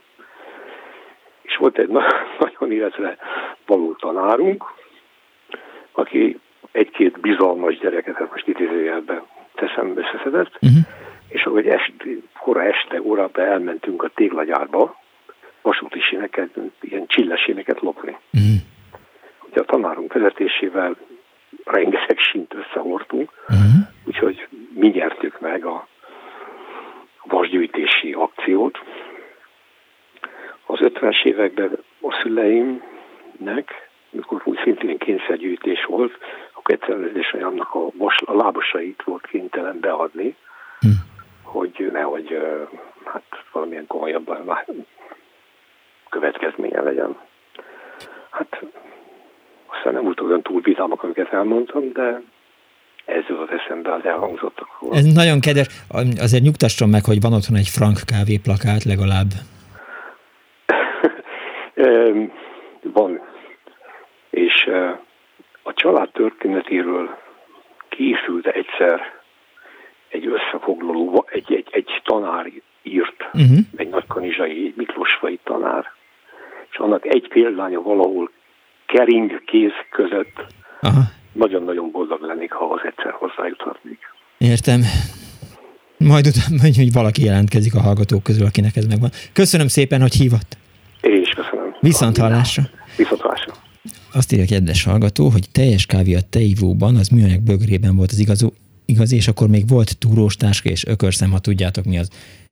Engem tesztelnek a hallgatók, de mindegy, természetesen tudjuk, hogy mi az ökörszem, az egy édes tészt, aminek a közepében egy kis eh, eh, mazsolás túró volt, és az volt tehát, hogy kör alakú sütemény, egy kis korong, hát közepében egy kis túró, és azon még talán egy, egy, egy masola. Na ez volt az ökörszem azok kedvéért, akik esetleg nem tudnák, hogy mi volt az ökörszem. De hát mindegy, teszteljenek a hallgatók, nyitott vagyok, mint az égbolt. Halló, jó napot kívánok! Halló, jó napot kell, Palasz Dánielné, Marci vagyok. Kész csak, Marci. Hát én nekem egy régi történetem lenne, azt hiszem olyan ötödikes lehettem, valami ilyesmi. Aha. Korban volt a történet Ardetfalván laktam, egy viszonylag új lakótelep volt, uh-huh. és második emeleten, és lakott alattunk a földszinten, egy öreg lány, már most már én is minden öreg lány vagyok, Igen, már mindegy. Bányunk óvatosan az öreg lány dobálás, az mindegy, nem érdekes. Tessék? Semmi vicceltem, csak hogy most, igen, már mindannyian öreg lányok vagyunk, csak én nem, nem lány, persze. Igen, na mindegy, ez már nem is érdekes. Szóval egyszer a nyakunkba jött, a nagy társaság volt ott ebben a nagy bérházban, rengeteg gyerek volt, és hát nagyon jó társaság volt. Egyszer ez az öreg lány nyakon öntött minket a felmosóvízzel. Nyilván jó volt rá. Persze, szaladgáltunk az udvaron. És akkor mit mondta? Bekiabáltak még, hogy mi van, nyanya? Ne öntse már. Nem, mi nem kiabáltunk, Aha. hanem mi gyűjtöttünk egy halom cserebogarat, de jó Isten. Ilyen szép tavaszi idő volt, amikor már jó sok volt a cserebogárból, és kilestük, mikor nincs otthon, és bedugtuk neki az ajtón lévő levél bedobó nyíláson. Hát, hát ez nem... Nem mondanám, hogy szép cselekedet volt. Nem, már, már, már én sem vagyok rá büszke, de hát akkor az Igen. olyan jónak tűnt az az ötlet. Persze, persze, most is jónak tűnik. Másnap az igazgató kérette az ellenőrzőket, Uh-huh. mert az öreg lány az ott kezd pár napot a suliba az igazgatónál. Hát végül úgy úsztuk meg, hogy ö, az apák összefogtak és bementek, hogy jó-jó, hogy nem kellett volna a cserebogarat, de hát azért Persze, se kell őket. Igen. Úgyhogy hát az egy elég emlékezetes dolog. Na, mindenki olyan szomorú régi történetet mesélt, ez is az. Megkérdeztük az esély. Nem mindenki szomorú történet. Ilyen történet is van, olyan történet is van. Van vidám, kevésbé vidám. Igen, igen, nekem olyan, olyanok, ilyenek vannak. Megkérdeztük az újságost, hogy van-e szabad föld. Aha. Mondtuk, hogy akkor kérünk egy lapáttal. Jó, értem.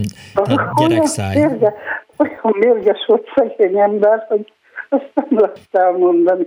Értem. Aztán elfelejtette, és újra megkérdeztük, és akkor mondtuk, hogy vessen bele valamit. Értem.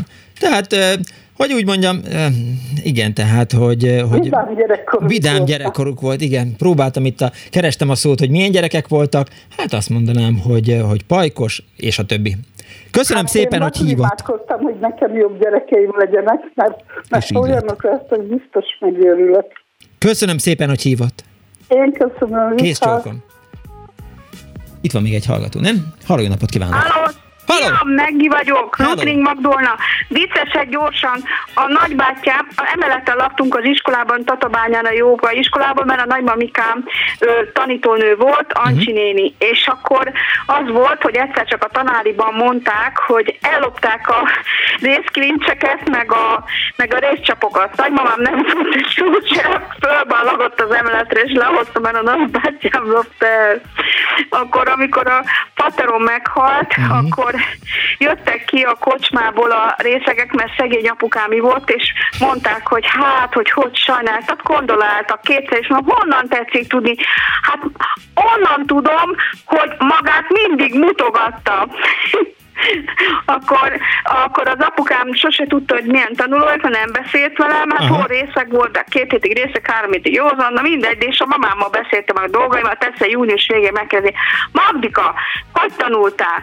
Mondom, Hát miért kérdezed apukám? Hát mindenki kérdezi a tröszben, hogy hogy tanultál ugye a tatabánya. Igen. Mondom, mondom neki, és akkor mit mondasz? Azt mondja, hát hol állva, hol ülve, hol fekve, hol menve. És akkor, hát ilyen, ilyen történet, meg hogy a, ugye a nagymamám miatt én nem mentem ö, hittalra, ott állt a papbácsi, és akkor azt mondta, hogy, hogy gyorsan gyerünk innen, és akkor mihelyt ö, nyugdíjba ment 62-ben,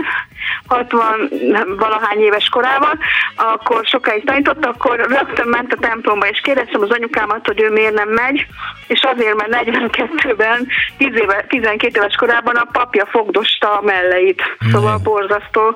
De még vannak Nem, de nincs, nincs, nincs, nincs, lejárt a műsoridőnk. Jó van, kis szívem, akkor legközelebb. Jó, jó, jó. Puszi, köszi a műsort, imádom. Ahó. Oké, köszönöm szépen, viszont hallásra. A mai műsor szerkesztője Árva Brigitta volt, most meg itt hallották. A létrehozásában segítségemre volt Kis Mária a telefonoknál, Kis Marcsi, Kemény Dániel volt, eh, hát egyfajta Sancho Panzaként, eh, ha én Don Quixote vagyok, akkor hozta a sisakomat, de önöknek meg köszönöm a megtisztelő figyelmet. El ne felejtsék eh, lájkolni az Annu Budapest oldalát, eh, egy hét múlva jövünk. Köszönöm szépen Kardos Józsnak, Árva Brigitának, Kis Marcsinak, Kemény Daninak, Pálinkás Huannak, én meg Punksnoded Miklós voltam. Véhallás!